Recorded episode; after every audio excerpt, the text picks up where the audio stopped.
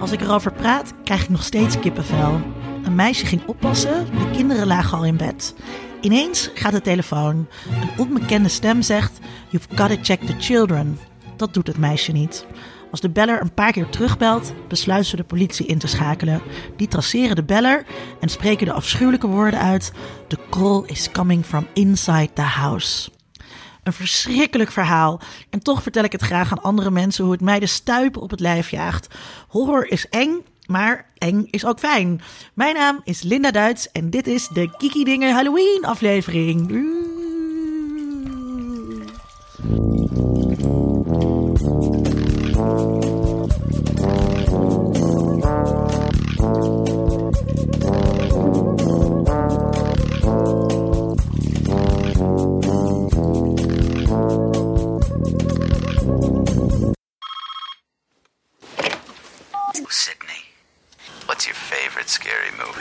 Mijn naam is Sidney Smeets en de allerengste horrorfilm vind ik The Blair Witch Project. Ik sluit me daar volledig bij aan. Uh, mijn naam is trouwens Tom Amos. Mijn naam is Ipe Driessen en de engste film die ik ken is Hereditary. Hereditary, Eva. Doe normaal. Dat zeg ik eigenlijk om jou op de kast te jagen. Hoe dan? Dat zeg ik om jou op de kast te jagen.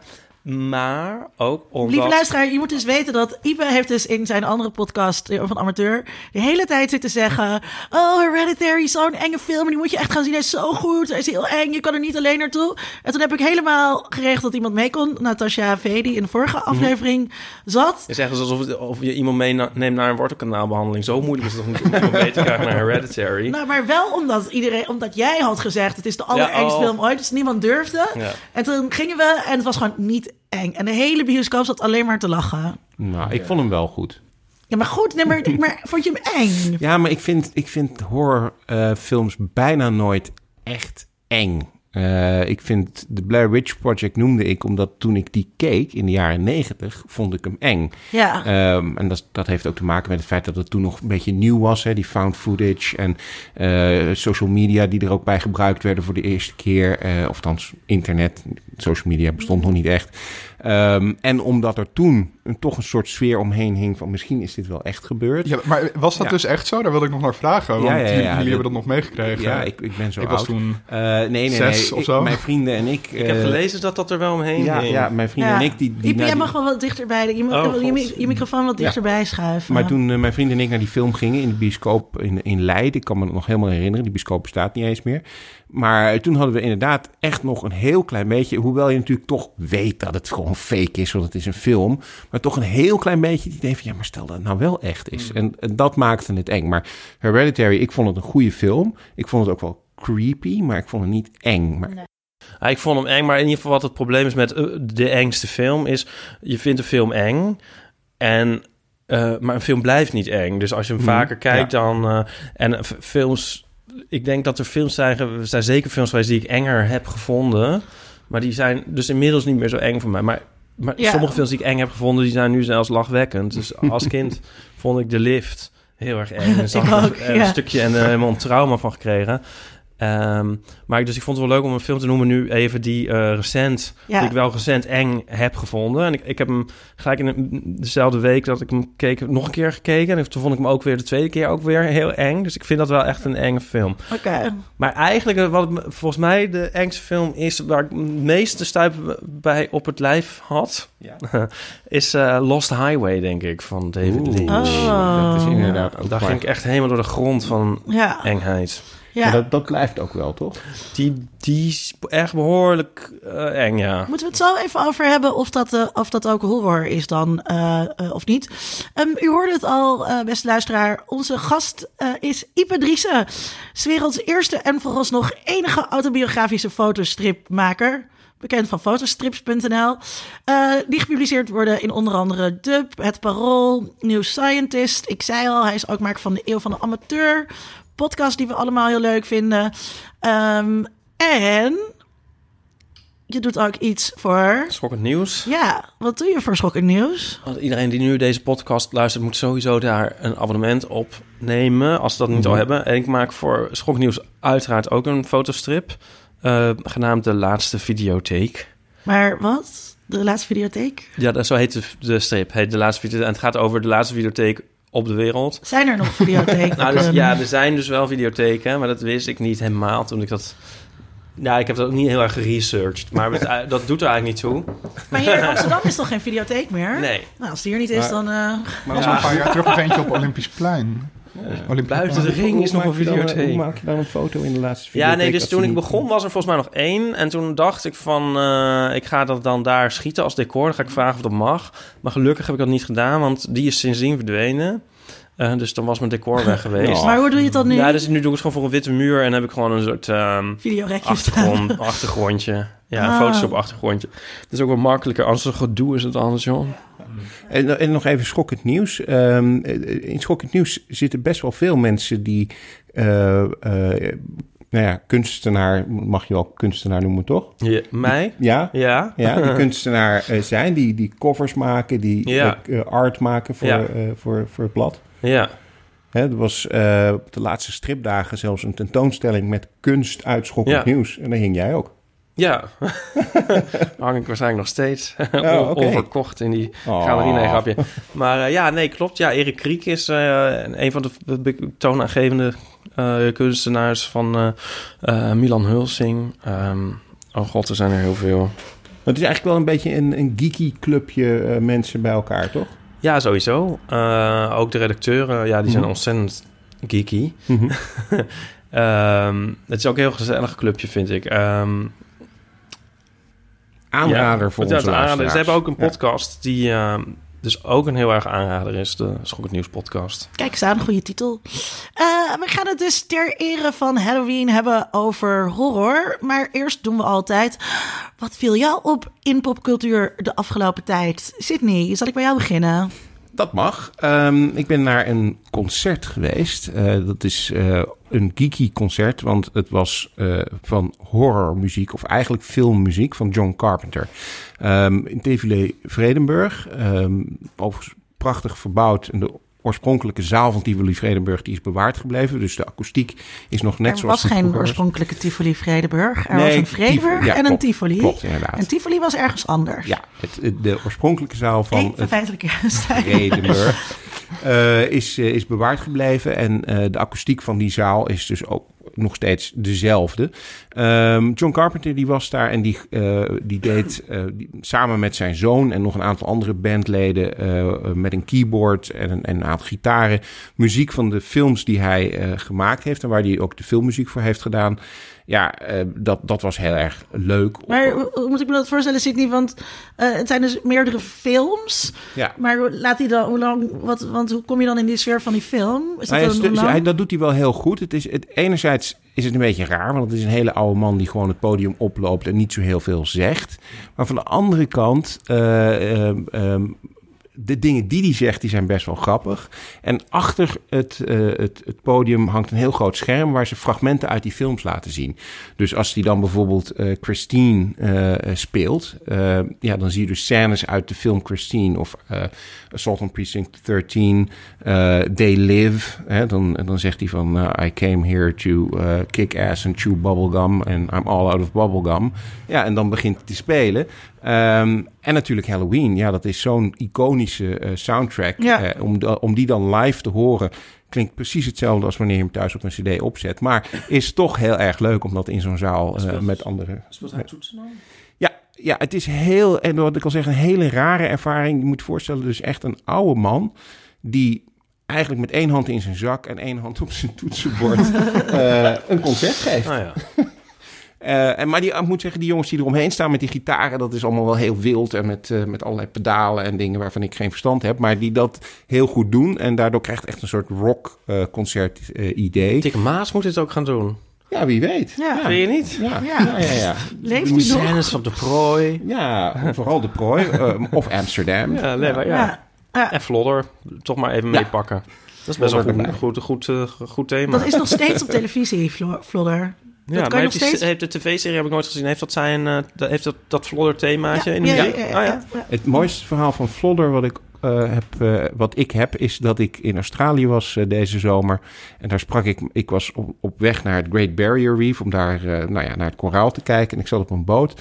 En daar zaten dus Australiërs, eh, die vroegen waar ik vandaan kwam. En die zeiden dus dat ze Flodder in Australië eh, eh, op tv hadden gezien. Dus dat God, wordt daar. Wow. Echt bizar. Ja, Oh. Maar dat is dus het beeld wat de Australiërs van Nederland hebben. oké. Ik heb net een podcast gemaakt met een castlid van Vlodder. Oh, Wat? Ja.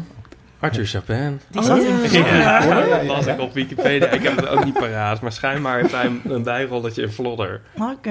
Nice. nice. Wauw, jeetje. Nou, luister allemaal de Eeuw van de Amateur. Ik ben wat, eh, wat heb jij, eh, wat is jou opgevallen Oh, ja. in populaire cultuur de laatste tijd? Nou, ehm, Heb je nog ah, trends gespot? nou een trend, trendette. Misschien is dat aansluitend dan bij John Carpenter... dat ehm, nu een he- nieuwe Halloween komt.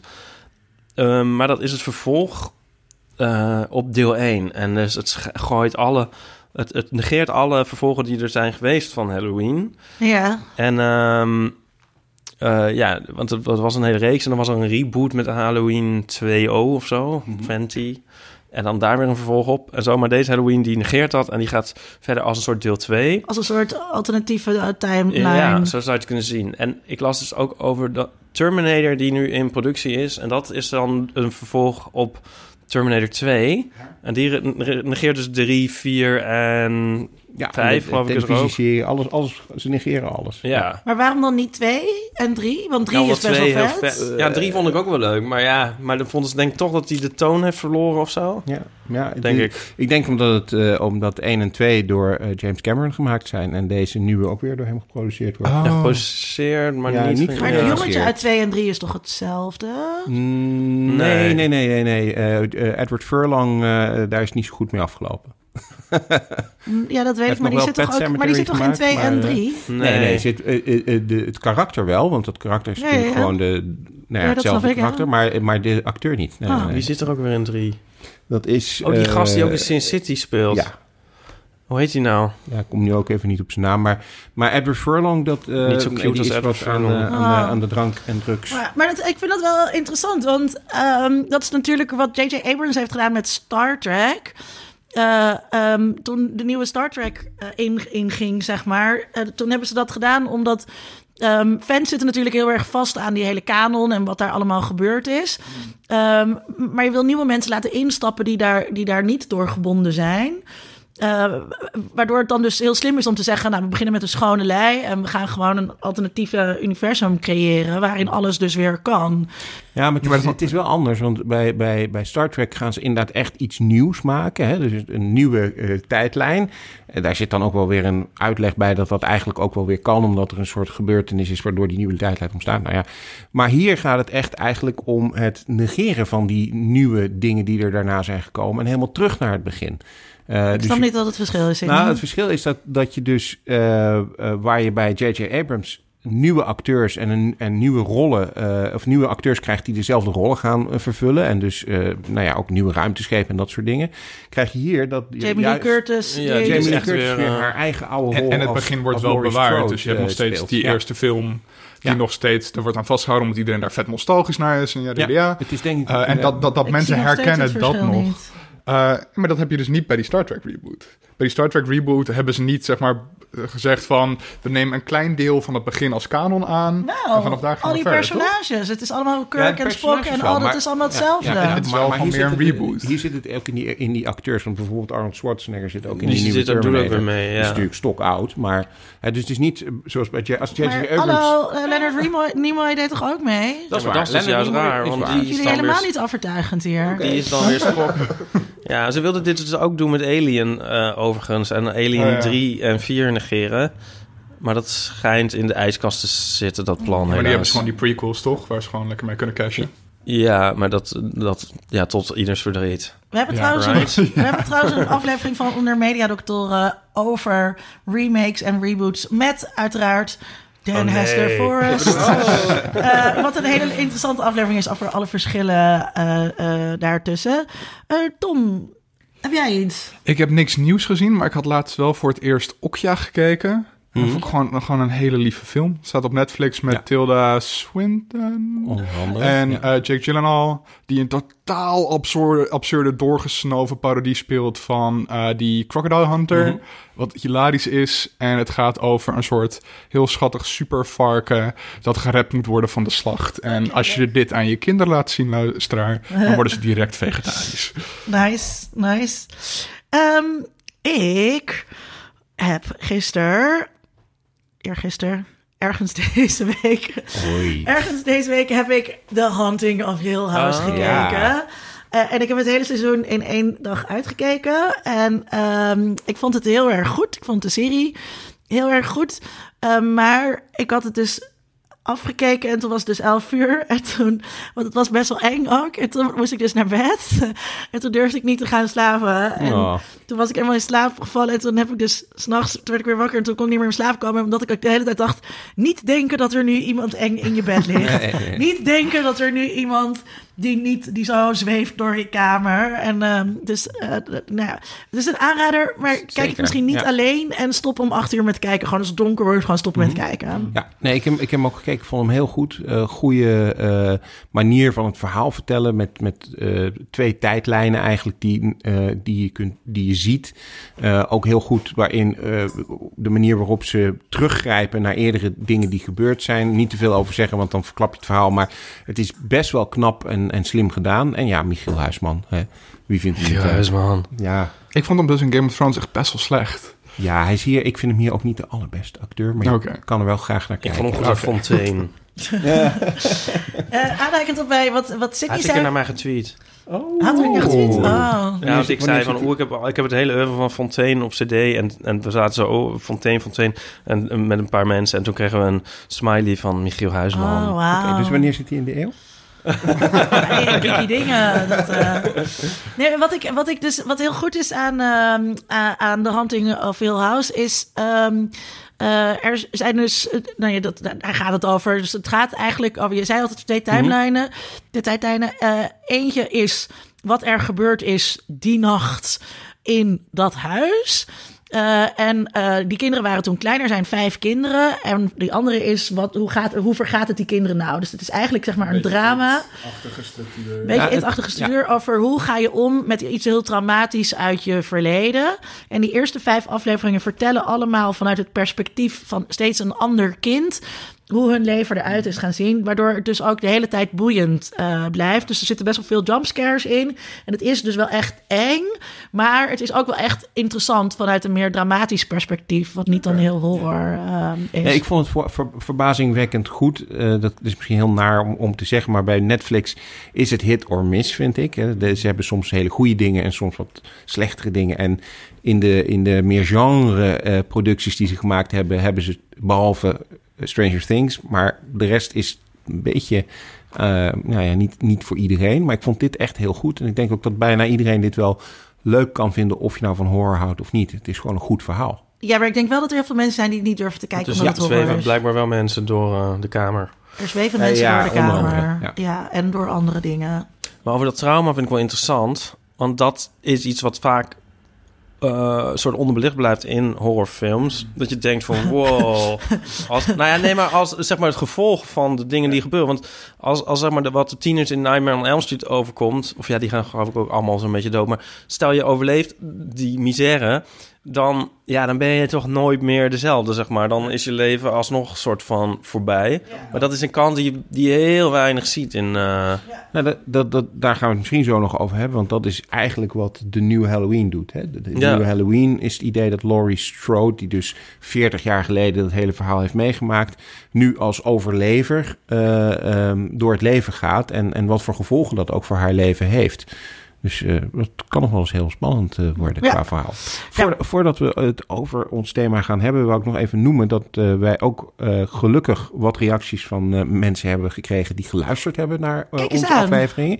Eh, onder andere van eh, Stefan, die zei van... nou, ik zat in de auto en ik was aan het luisteren naar jullie aflevering over kut-eindes. Dus nou ja, hij vond het in ieder geval leuk. Ehm, en eh, van jouw allergrootste eh, vijand, eh eh Flo. Floor de Goede. Moet hij zich er weer inwerken? Ja, die, eh, die vertelde dat hij... Die had zijn coming out als geek en eh, hij vond, Nou. het, vond het leuk om, om te luisteren. En als er nou andere luisteraars zijn die dat eh, ook vinden en dat ons willen laten weten, doe dat vooral. Laat een recensie achter op iTunes of stuur ons een e-mail op geekydingen.gmail.com.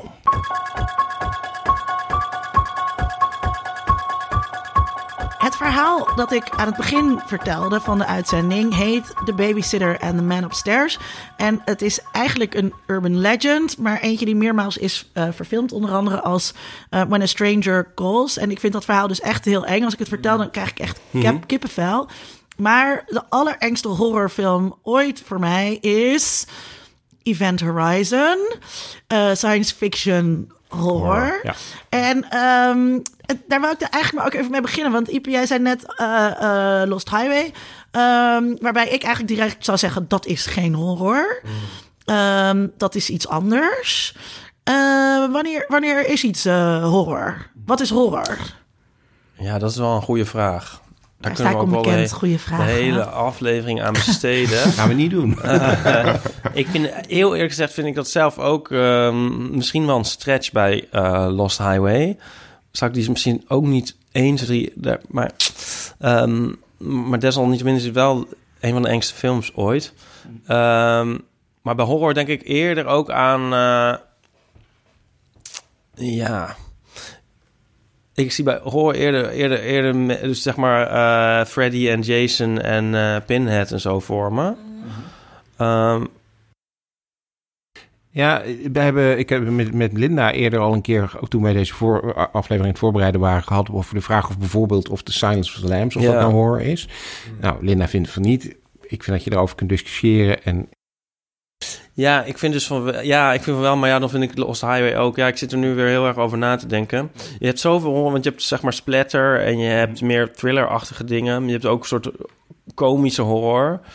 Ehm, maar ja, dat is komische horror ook nog horror, zeg maar, weet je wel, eh Brain Dead Ja, en een- zo. een van de dingen- Beetlejuice. Beetlejuice, ja. Ja. een van de dingen die ik las in ieder geval eh, in, in een aantal artikelen die, die geschreven... Er zijn natuurlijk honderdduizend artikelen geschreven over wat horror nou is. Maar een van de dingen die ik las is dat men zegt van... Kijk, eh, een western, dat heeft bepaalde eh, tropes, bepaalde dingen die in een western gebeuren. En dan maakt eigenlijk niet zoveel uit of je dat nou in het feodale Japan laat afspelen of in het, eh, het Amerikaanse Westen. Maar er Genre-kenmerken. genre-kenmerken die er altijd in zitten. en waardoor je gewoon weet, oh, dit is een western. Bij horror is dat veel minder in de zin van eh, de, de- hè, hoe het verhaal moet gaan of, of wat dan ook. Maar je, kan- je kan ook een science fiction western hebben dan. Je kan ook een science Ja. fiction, die zijn Star er ook, Wars? hè? Star Wars. Ja, Star Wars is dan weer gebaseerd eigenlijk op een samurai film die weer gebaseerd was op een western. Hmm. Ehm, en eh, nou ja, Firefly, dat is een serie die eigenlijk ook een soort western eh, eh, is. Eh, maar bij horror eh, en ook bij comedy en, en bij porno eh, gaat het niet zozeer om eh, de, de, de vorm. Je kan eigenlijk op allerlei verschillende manieren eh, doen. Maar meer om het gevoel wat het bij de kijker opwekt. Eh, dus bij horror is de bedoeling dat je bang wordt, of in ieder geval je oncomfortabel gaat, gaat voelen eh, bij wat je ziet. En of dat dan gebeurt ja, in de middeleeuwen of in de ruimte of eh, bij wijze van spreken eh, bij een babysitter thuis, dat, dat maakt niet zoveel uit. Maar, maar hoe verschilt dat dan wezenlijk van een thriller? Is het dan dat een thriller wel meer die narratieve structuur heeft van er is een zaak die opgelost moet worden of Ja, zo? Is, is denk dat dan wel. het Ja, het gaat om- hoofdonderscheid? Het gaat om de primaire intentie, zeg maar, wat het doet. Dus, een, dus een horrorfilm is to horrify. eh, en een thriller is meer eh, to thrill. En bij een thriller, zoals ik het zie, gaat het heel erg om dat je zit te puzzelen, zeg maar. Wat, Ja. is, wat is hier nou aan de hand? Wie heeft het gedaan? Of, of waarom heeft die persoon eh, het gedaan? En daar zit een bepaalde spanning in. Terwijl bij horror het primaire doel is echt om jou bang te maken. En veel minder om je te laten puzzelen. Dus eh, dat, dat ben ik wel met je eens over dat verschil tussen, tussen die twee dingen. Maar wat je zegt over die genreconventies, dat, dat vind ik dus helemaal niet. Want ik vind echt dat eh, eh, van horror. Horror is ook zo'n beetje eh, een van de oudste filmgenres. Hè? Direct toen we film gingen maken, zag je zo van die creepy mannen die dan met van die schaduwen, met lange vingers, met lange nagels eh, op de muur, dat je dat, dat je dat dan zo zag. Nosferatu. Nosferatu. Ehm, eh, he- heeft echt hele duidelijke genreconventies. Je weet echt heel duidelijk dat er bepaalde dingen gebeuren. Dan weet je dat je naar een horrorfilm zit te kijken. Eh, dus eh, er zit iemand op de bank, Ja. er schiet iemand achter haar langs. Je hoort een eng muziekje. Dat is gewoon een horrorfilm. Dat is heel onmiskenbaar. En ik denk ook dat het plezier van horror zit ook in het herkennen van die eh genreconventies. Ja, dat, nou, ik denk dat dat zeker voor een deel waar is. Want zo'n filmserie als Scream... dat draait er natuurlijk om dat er horrorconventies zijn. Als die er niet zouden zijn, dan zou je Scream niet kunnen maken. Ja, maar Want- Scream is in zekere zin ook wel weer een puzzel, zeg maar, met een ehm, Ja. ontknoping waarbij je moet kijken van wie is nou de dader, et cetera. En er is ook geen bovennatuurlijk iets in het spel of zo. Vind je dat er bovennatuurlijke dingen moet zijn? Want daar hadden Sydney en ik ook een soort discussie over. Of dat, of dat moest. nooit eens zijn. Nou ja, dus ik denk het, ja, nou, ik denk het niet. Maar ehm, het is ook een beetje, van- ja, is, doet het, iedereen kan natuurlijk een andere definitie hanteren van horror. Ik bedoel, ik zou, ik, ja, is, is Scream horror? Ja, ik denk het wel, maar, Ja, want het heeft niet, de eh, genreconventies van horror. maar dus ook van een thriller, van het... Ja, maar er kunnen natuurlijk ook hybride dingen zijn. Ja. Je hoeft niet een, een strakke lijn tussen horror en thriller neer te leggen per Zoals se. Event Horizon heel duidelijk een hybride vorm is tussen eh, horror en eh, Science fiction. Ja, net als Alien. Ja. Ja, bij Alien zou ik dus eerder zeggen dat het science fiction is. Maar misschien komt dat omdat ik bij Alien minder bang was en bij Event Horizon echt gewoon... Ja? Ja, Oh, de eerste keer dat ik ik Alien dat- keek, vond ik wel echt... Want ik wist totaal niet waar ik mee bezig was. Dus zodra die, die, dat, dat ding uit die borstkas kwam, Ja. kwam spatten, zat ik wel echt gewoon van... Ja, en ik denk- Vals die Ja, ja, ja, tevens ja, een vagina dentata is. Ja. dat, dat niet alleen. Eh, eh, eh, nee, ik denk dat, dat Alien wel horror is, omdat het veel meer draait om het monster en wat er, wat er gebeurt. En sterker nog, er is zelfs letterlijk een single girl. eh, eh, hè, de, de, de, Genreconventie zit niet, ja, ja, ja, genreconventie. fi- final, Girl. final Ja. girl, inderdaad. Niet een single, maar final girl. Dus dat is, dat is eh, Ripley. die vaak wel single is. Die Final ja, Girl. Klopt, klopt. Ripley, eh, die ook half naakt is, hè, zoals dat ook meestal in horrorfilms wel gebeurt. Eh, en het gaat veel minder om de, om de science fiction, want ja, het is wel op een ruimteschip, maar in feite... Dit, doet dat ook gewoon een, soort, soort containerschip ergens midden Ja. in de Pacific kunnen ja, zijn. Of, of zoals bij The Thing, ergens midden in, eh, in de, de woestenij van, eh van Maar het is ook eh, echt een soort body, body horror. Hè? Ja. De- wat er allemaal gebeurt is en die facehuggers en die eieren en die, Ja. die, die Ja. splatter en zo. Maar dus jullie noemen wel allemaal heel duidelijk herkenbare Ja. aan de hand waarvan jullie het kennen schetsen als horror. Dus heb ik gelijk. Oké, nou, dat is altijd goed. Heel zakelijk Nou, gewonnen. podcast eh, voorbij. Ja, ja, maar om even door te gaan op die, op die genreconventies. eh want dan wil ik het ook wel weer problematiseren als jullie me gelijk gaan geven. Want er, zijn, want, want er zijn natuurlijk. Er zijn heel veel dingen die heel herkenbaar zijn. Wat ik, wat ik, wat ik bijvoorbeeld vond, is die. ehm, het is heel vaak in een hele alledaagse setting. In, een, eh, in suburbia of, of zelfs. eh, eh, ik heb laatst dus Hars gekeken ter voorbereiding eh, hiervan. Niet gerookt? Wat zeg je? Niet gerookt? Niet gerookt? Hash gerookt? Oh, hash. Ah. Hash. Niet, niet hash, hash, hash. Volgende keer gaan we het hebben over Hush. comedy.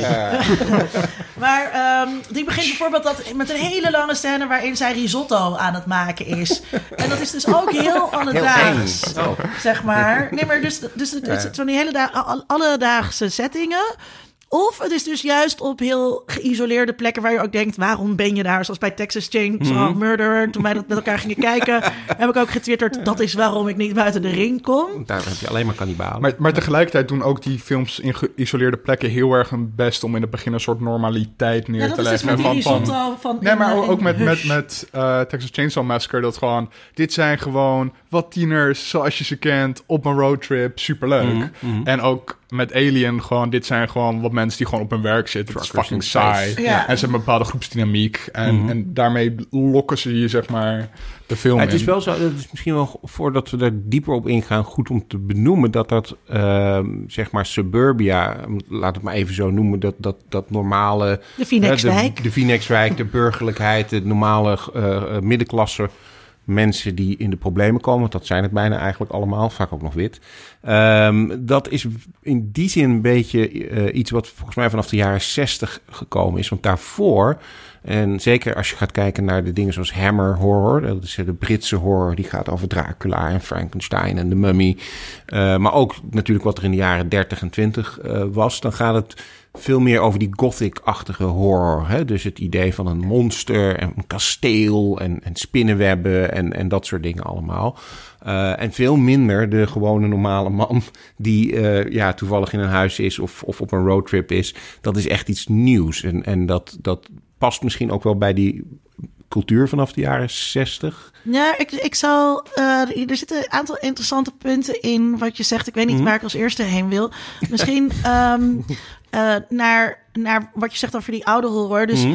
uh, um, horror komt natuurlijk eerst uit die horrorboeken die geschreven Ja. worden. Heel erg 19e eeuws uh, genre. Ja, en zijn vooral- in die zin. veel vrouwen ook die dat lazen. Ja, en, en zijn in die zin ook echt wel verbonden met de opkomende middenklasse. Uh, uh, en wat wel, wat wel interessant is, zeg maar, bij Dracula gaat het natuurlijk heel erg over de seksualiteit van de vrouw, die die Dracula dan dus los maakt. En het is misschien wel aardig voor te weten voor de luisteraar, dat dat idee wat wij hebben van um, dat vrouwen eigenlijk seksueel passief zijn, dat is vrij recent in de geschiedenis. Dus dat ontstaat Mhm. pas al rond 1800 met de opkomst van de middenklasse. Ja. En als we dus voor het eerst de scheiding krijgen tussen mannen die buitenshuis gaan werken en vrouwen die dan expliciet thuis blijven, niet gaan werken. Uh, dan op dat moment ontstaat het idee dat vrouwen dus seksueel passief zijn. Daarvoor waren Mhm. vrouwen altijd heel lustig. Denk aan Eva, die ervoor verantwoordelijk is dat we allemaal uit het paradijs zijn gekikt, omdat zij zich niet kon beheersen met die slang en die appel. Um, en uh, dat, dat genre, er zijn natuurlijk ook veel vrouwen die die horror hebben geschreven. Mhm. Mary Shelley uh, uh, en nog uh, zulke. um, uh, dus dat is, dat is ook wel verbonden Ja. met, met Nou ja. de middenklasse. En, en Dracula gaat dus heel erg over, Losbandige met- over die seks. lo- losbandige seks. Ja, en, en wat je ook ziet... eh, ehm, die bestraft wordt. die bestraft wordt. Eh, dat, dat is wel iets, een trope, denk ik, die je... maar die ook wel lekker is om te lezen, om je dus te verliezen en denken: oh, werd ik maar gebeten door Dracula. Ja, ja, maar het is wel interessant dat, dat een aantal aspecten daarvan volgens mij heel erg lang eh, eh, na hebben geklonken in de horror. Het is denk ik pas vrij recent dat dat misschien iets veranderd is. Maar zoals de losbandige seksualiteit en dat dat gevaarlijk is, dat is volgens mij iets wat je juist ook in slasherfilms heel duidelijk eh, eh, eh, ziet terugkomen. Um, en het idee dat de heteronormatieve monogame relatie eigenlijk het ideaal is. Hè? Want dat is bij die Frankenstein en, en, en Dracula films. Hè? De, de, de arme witte vrouw die moet gered worden door een sterke uh, patriarchale uh, witte man. En die verslaat het seksueel deviante uh, queer monster. En dan is de maatschappij gered. Maar in dat opzicht is die remake van Coppola, of remake, die Dracula film, Ja, van, is heel interessant eigenlijk. Want die kwam op het hoogtepunt van de AIDS-crisis eigenlijk. Maar die, als je kijkt, voelt dat niet echt als een... Um, die zou je dus kunnen zien ook als een soort uh, afstraffing van losbandigheid... en een um, verheerlijking van heteronormativiteit. Maar zo voelt hij niet voor mij. Dat komt misschien ook door Gary Oldman, hè? Die, die, die per definitie een soort queerness over zich heeft. Vind ik in ieder geval in bijna alle rollen die die, uh, die, die speelt. Nou ja, maar die legt hij dus Ja. uiteindelijk dan ook af hè, in die film. De apotheose van de film is zeg maar dat hij uh, de, de weer herenigd wordt met zijn oude liefde. Ja, ja, ja, dat en waar. uh, hetero. de, weg, met de, weg, weg, weg met de kostuums, zeg maar. maar uh, misschien zit dat er toch wel in, maar in ieder geval zo voelt, zo, zo voelt hij op zich niet zo. Maar het lijkt me toch op de een manier geen toeval dat hij in dat jaar gemaakt is. Nou ja, nee, dat, dat zie je ook bij, bij, volgens mij bij Nightmare on Elm Street 2, uh, Freddy's Revenge. Dat is uh, de, degene waarbij de, de, de final girl een jongen is. Uh, zeg maar de jongen die de hele tijd achtervolgd wordt. Een jongen Ja. waar jij uh, crushed? Nee, dat valt wel mee. Dat valt wel mee. Ik, dat, dat- nee, Had maar, jij die gekeken ook of niet? Ja. De Nou, ja, maar Sydney zei dat ik die moest kijken. Ja, vergeet niet Nightmare on Elm Street 2. En ik had net Nightmare on Elm Street 1 gekeken. En toen dacht ik, ah, nee. Dus ik zette hem aan en toen dacht ik, nee. Nee, Ik ga nu oh, gewoon, niet. ik ga nu gewoon, eh, eh, eh, toen ben ik, eh, hoe heet die ook weer gaan kijken, die fuck- fucking eng was ook. Nou Nightmare- Eh, even- terwijl in Praat dat je ondertussen maar even, dan denk Ja, ik even. Linda het ik Kijk, Nightmare on. Elm Street 2 is zeker niet de beste Nightmare on Elm, on Elm Street. Maar het is wel heel interessant, vind ik. Omdat je daarin heel erg ziet dat, het, eh, eh, dat die jongen... The Grudge ging ik Oh ja. kijken. Oh, dat ja. dat, dat Oh, Freddy ja. in die film voor die jongen eigenlijk zijn onderdrukte seksualiteit representeert. Hè? Dus zijn homoseksualiteit representeert. Eh, er zitten allerlei scènes in waarin hij allerlei dingen doet die heel homoerotisch eh, zijn. Ja. Zoals? Ehm, nou ja, zoals bijvoorbeeld met zijn kont de la eh, dichtmaken... terwijl het een, een heel grappig muziekje klinkt en, en dat soort dingen allemaal. Dat is ook hetero-vrouw erotisch. Nou, dat kan een hetero ook erotisch vinden, maar... In Een dit- hetero vrouw, hè? Ja, ja. Sorry. Ja, niet ons uitgummen. Nee, nee, nee. Maar ehm, eh, Die hele film is inderdaad super gay. ja, die, die- dat is echt een, een soort queer eh, eh, queerness wat daarin zit. En, en, en ook wel weer eh, het idee dat HIV misschien eh, het kwaad en, en het risico is waar hij bang voor is. En dat hij daarom misschien niet eh, Ja. eh, gay wil zijn. Ehm, en nou, überhaupt seksueel overdraagbare eh, aandoeningen, eh, die zijn in sommige horrorfilms natuurlijk ook eh, als de bad guy eh, terug te vinden. Eh, hè. Nee, Ipe, jij hebt wel eens gezegd, eh The Ring gaat eigenlijk ook over... Ja, It Follows heb je, eh, The Ring, It Follows, dat zijn natuurlijk ook van die soort kettingbriefachtige dingen, waarbij je, maar It Follows gaat natuurlijk heel expliciet over seks, maar dan moet, dan moet je het juist doen. Ehm, bij, ja, bij The, The Ring lijkt het meer een soort ehm, metafoor, zou ik maar zeggen. Ehm, maar ik zit even te denken wat dat met Nijman en Amstie 2 te maken heeft. Seksualiteit. Alles gaat om seks. Ja, nee, ik zit te denken van ehm, of dat eh, de, de, de, die link, zeg maar, van eh het is vaak denk ik ook onbewust, denk je niet? Zou dat er, zou dat, is het- is dat een soort de tijdgeest waarin zo'n film dan tot stand komt? Of denk je dat, daar, dat er echt een statement mee gemaakt eh, eh, is? Wat was de intentie van de auteur? Van, Ja, oh. Ja, de vraag- Mag, ja. mag dit wel? Ja, precies. De vraag, de vraag is of dat ertoe doet. We hadden de auteur toch Ja, doodverklaard? precies, precies. Vorige aflevering. Echt al heel snel. Heel, heel snel, heel snel. Ja, nee, de vraag is inderdaad of dat ertoe doet. Je, ziet bijvoorbeeld ook bij Sleepaway Camp. Dat is een film waar je wat bedenkingen kunt hebben over de ontknoping. Zullen maar niet verklappen voor mensen die hem nog niet gezien hebben, maar er zit wat transfobie eh, mogelijk in. Eh, maar de rest van die film is enorm eh, homoerotisch geladen. Alle jongens, en vrij jonge jongens, die zijn enorm naakt en... en, en, en Maar- maar is dat niet gewoon- dat soort dingen. Is dat niet gewoon jouw betekenisgeving aan films? Dat, jij Nou, dat kijkt naar films vanuit jouw subjectpositie. Dat klopt, dat klopt. En dus ook met die kont tegen de la Ja, aan. dat- Wat ik- jij kan lezen als, eh, als heel homoerotisch, kan ik lezen als lippenservice aan, eh, aan eh, de tiener, eh, hetero tienermeisjes die die film kijken. Eh, dat kan, maar de, de, gelukkig, gelukkig ben ik niet de enige die dat Dan moet je hem toch echt een keer gaan kijken. Precies, ja, ja. Er zijn, daar, daar is vrij veel over geschreven, ook over Nightmare on Elm Street 2. Ja, maar, dat, maar, dat, en maar kijk, dat, dat- dat is een probleem wat ik, wat ik heb met dit Ja. soort dingen. En eh, een probleem wat ik met geesteswetenschappers heb. Ja. Niet Oh, dat ik jou waar nou voor die? geesteswetenschapper wil uitmaken. maar dat deed ik natuurlijk wel. Ehm, het, het gaat natuurlijk ook over... Kijk, hoe, hoe kijk je naar zo'n film? Dus Mhm. er wordt heel vaak gezegd, ook in die slasherfilms... Hè, dat, eh, dat er straf staat op de eerste keer seks. eh, of, of niet de eerste keer seks hebben, op überhaupt seks hebben. En uh, seks in stelletjes- Halloween. Ja, in Halloween is dat heel duidelijk. Eh, maar in, in heel veel van dat soort films uit die tijd is dat heel duidelijk. Terwijl ik niet het idee heb ehm, eh, dat de kijkers van die films die boodschap heel erg overnamen en daardoor dachten: laten we maar geen eh, eh, seks meer gaan hebben. Juist ook naar de bioscoop gaan waar het heel eng is en je gaat met een vriendje en die kan dan jou beschermen. En ondertussen zit je ook een beetje te fozen in dat donker. Het gaat er natuurlijk om hoe, hoe mensen eh, dat lezen. Mhm. Ja, Ja, zeker. maar dan kan je toch ook gewoon als... Als jij daarnaar kijkt dan, en jij geeft een bepaalde betekenis ergens aan... dan is dat toch ook net zo legitiem dan? Ja, maar, Nog? maar dat is niet zo dat. eh, ehm, eh, het- je kan daarvan niet zeggen: het is zo. Nee, dat is waar. Iedereen Maar je kan wel zeggen... Want dan het- zou je zeggen: wijst- de betekenis staat vast. Nee, nee, maar dat, dat- ik denk niet dat, dat geesteswetenschappers dat zeggen. Nou, er zijn genoeg geesteswetenschappers die dat zeggen. Ik wil niet een Dan Hesser Force noemen. Oeh. Nee, maar ik maar denk, ik, ik denk zo- zo- hoe ik het meemaak bij mij op de universiteit... Sorry voor deze tangent, aan de luisteraar. ehm, is dat er gewoon heel veel gekeken wordt naar... wat is een manier om naar deze film te kijken... om er interessante dingen uit te teasen. Eh, en dat is iets anders dan zeggen... Nou, ik heb eens even goed naar deze tekst gekeken... en eh, dit is wat die betekent, hoor. Ja. Ja, en Eh, ik- ik, ik denk dat dat heel weinig gebeurt. Het zit denk ik ook meer in het idee. Kijk, ik denk niet, tenminste, ik ben, ik ben geen geesteswetenschap, maar ik denk dat de geesteswetenschappers over het algemeen niet zullen zeggen: er is een objectieve waarheid over deze film.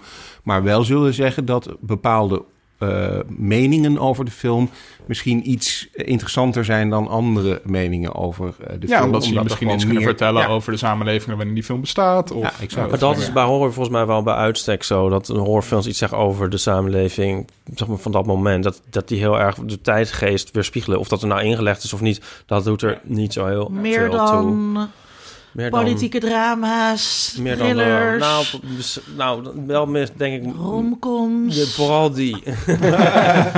Ja, maar dat is, dat, is ook, dat is ook aantoonbaar onjuist. Omdat je op een gegeven moment in de jaren negentig zie je dan allemaal heel andersoortige romcoms ontstaan. Zoals Friends with Benefits. En, en dus Ja, dat, dat ik- verandert ik- ook wel. Nee, maar even daarop ja. teruggaan. Want eh, eh, dan, je kan wel zeggen, dit is een interessant perspectief om naar deze film te kijken. Ja, dat, dat, dat vind ik ook. Het vind ik aardig om te lezen. En dat doe jij zelf ook met je lezingen over. Kijk, er zit seksualiteit in deze film. Dat zijn niet Ehm. uitputtende lezingen van de films waar, waarnaar je wijst. Maar ik zeg nooit in een lezing. Dat zeg ik eigenlijk nooit zo. Maar het, en het, wat, wat, wat, wat mij hierin interesseert, als je het dan hebt over dus, eh, die eh, eh, films, halen mensen dat eruit? Is dat iets waar mensen zich mee bezighouden? Is dat voor de kijker van belang? Dus je kan prima zeggen als geesteswetenschapper, je kunt deze film op deze manier lezen. Maar op het moment dat al die tieners die er naartoe gaan, dat er niet uithalen en voor hun die film iets heel anders betekent. Ja, dan vind ik toch wat die tieners ermee doen, vind ik als sociaal wetenschapper interessanter. Ja, maar daarom zit je in de sociale wetenschap. Ja, dat is Je kan ook zelf- zo. je Dan kan ben je, zelf- kan er zelfs met, met iets anders bezig. Ja, Nou, je kan het er zelfs niet uithalen, maar het nog steeds daarom bijvoorbeeld onbewust bij wijze van spreken een leuke film, een goede film vinden. Je kan zeg maar ook onverwerkte angsten hebben of zo, of onbewuste angsten. Ehm, die zelf niet helemaal kennen en die film zien en daardoor op een bepaalde manier gevoed of bevestigd worden. En ja, maar daar kan je ook nog wel met mensen over praten. Dat haal je, dat haal je wel boven tafel. Ja, en ik denk, nou, ja, ik denk dat wat, wat Ipe net zei over die tijdsgeest. Dat, nou, ja, eh, dat zit natuurlijk in iedere, eh, ieder, iedere film zit, zit een weerspiegeling van de tijdsgeest waarin die is gemaakt. Maar in horror denk ik dat je wel kunt zien dat bepaalde eh, eh, horror tropes, bijvoorbeeld zombies, om dat maar als voorbeeld te nemen, heel duidelijk gekoppeld zijn aan de tijd waarin ze gemaakt eh, zijn. Dus in, op, het moment dat er in de maatschappij heel veel angst heerst over de Koude Oorlog en over atoombommen, dan eh, heb je dus zombies die door straling zombies zijn geworden. Terwijl op het moment dat er een angst is over eh, eh, een virus, dan worden ze door een virus zombie. En op het moment dat, dat we angst hebben over massa-immigratie, dan zien we opeens een film zoals World War Z, waarin de zombies ja, bij elkaar bijna als een soort ladder gebruiken om, om de grens over te komen. En ik denk dat het kenmerk van goede horrorfilms, net zoals van alle films, is dat ondanks dat dat er in die tijd ingelegd is, je het ook op een ander tijdsgewicht nog steeds kunt kijken en interessant kunt vinden en misschien wat anders uit kunt halen. ja of gewoon dan, dan dat aspect achterwege laten en gewoon genieten van een leuke film, Leuke spannende film, film. ja. Ja, ja. dat, dat kan, Linda. Linda kijkt ons heel sceptisch Ja, aan. ik vind het helemaal geen overtuigend argument. Wat jij zegt is dat er... eh, ja, weet je, dat, dat heeft... Je hebt een tijdge, tijdsgeest, tijdgeest, eh, een tijdgeist. Ehm, wat, wat schrijvers natuurlijk eh, eh, eh, inspireert. Maar op het moment dat je zegt... eh, en vervolgens zeg je, ja, maar je kan er ook naar kijken, dan doet dat er eigenlijk niet toe. Ja, dingen zijn ook gewoon in de mode. Dat heb je ook met die zombies. Eh, en ik heb echt oneindig veel think pieces gelezen over wat de, de mode voor zombies betekende, die godzijdank eh, eh, eh, over is. Ehm, allemaal, weet je, en inderdaad, ze staan voor asielzoekers, ze staan voor eh, eh, de geestdoden, eh, een sociale media gebruiker. Al die metaforen er kunnen er allemaal opgelegd worden. Die passen ook altijd. Altijd. Niet Soms uit. kan je ook wel heel veel opleggen. Ja, omdat het kan gewoon voor alles algemene hersenloze massa. Ja.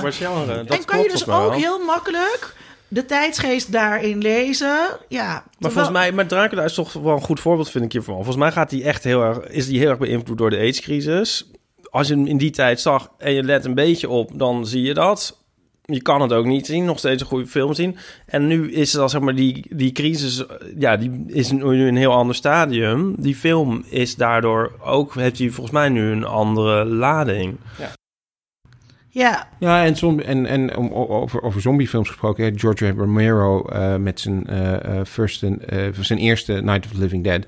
Ehm, ja, bedoel, je kunt zeggen van, ja, wat maakt dat nou uit, het tijdsgevecht waarin het gemaakt is. Maar het feit dat daar een, een zwarte acteur eh, ja, de held is en eh, aan het einde van de film eh, ook op een bepaalde manier aan zijn einde komt, die we misschien niet moeten verklappen, maar die Ja, sorry, welke film gaat het over?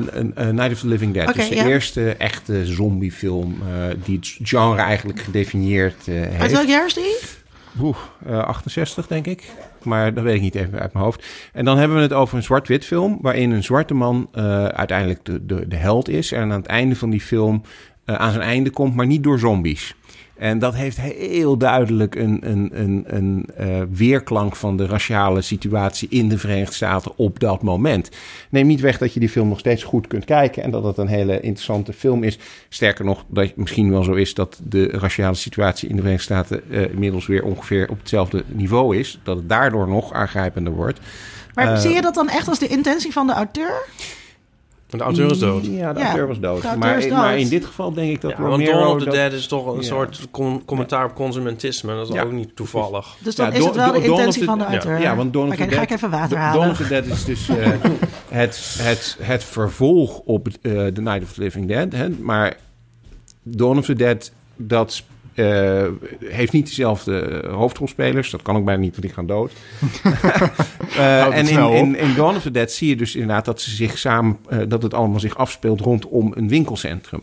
Ja, ik bedoel, hoe dik wil je Ja. het erop leggen, Ja. zou ik bijna zeggen. Dat, dat, dat dat over consument... Jammer dat, jammer dat Ja. Linda dit niet hoort. Nee, Ja. Linda wil het Nee. niet horen. Linda wil het niet horen. Die had al gelijk. Maar ehm, ja, dus, dus zombiefilm. Wat, heb, heb jij een favoriete zombiefilm?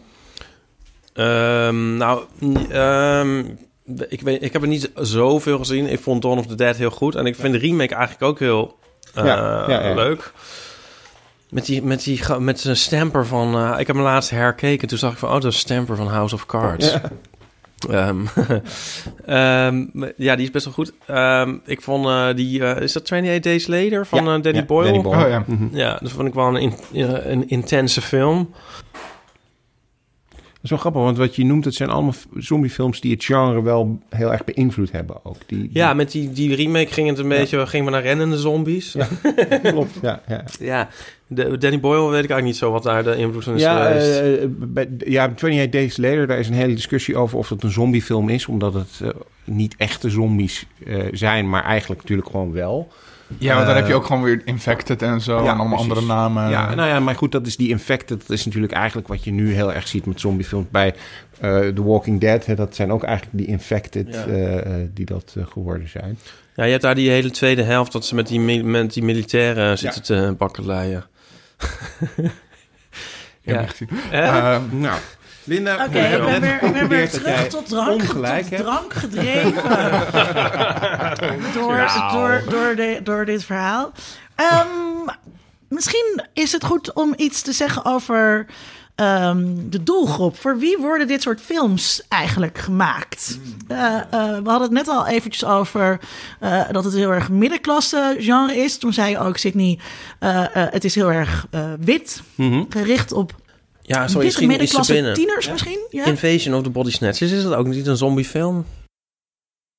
Ja, een soort... ja, dat vind ik wel een soort zombiefilm, ja. Ja. Ja, die is vet. Met, met de versie met Donald Su- Sutherland vind ik vet. Ja, dat vind ik echt een heel gave film. Wijzende mannen. Ja. Ja. Dit terzijde.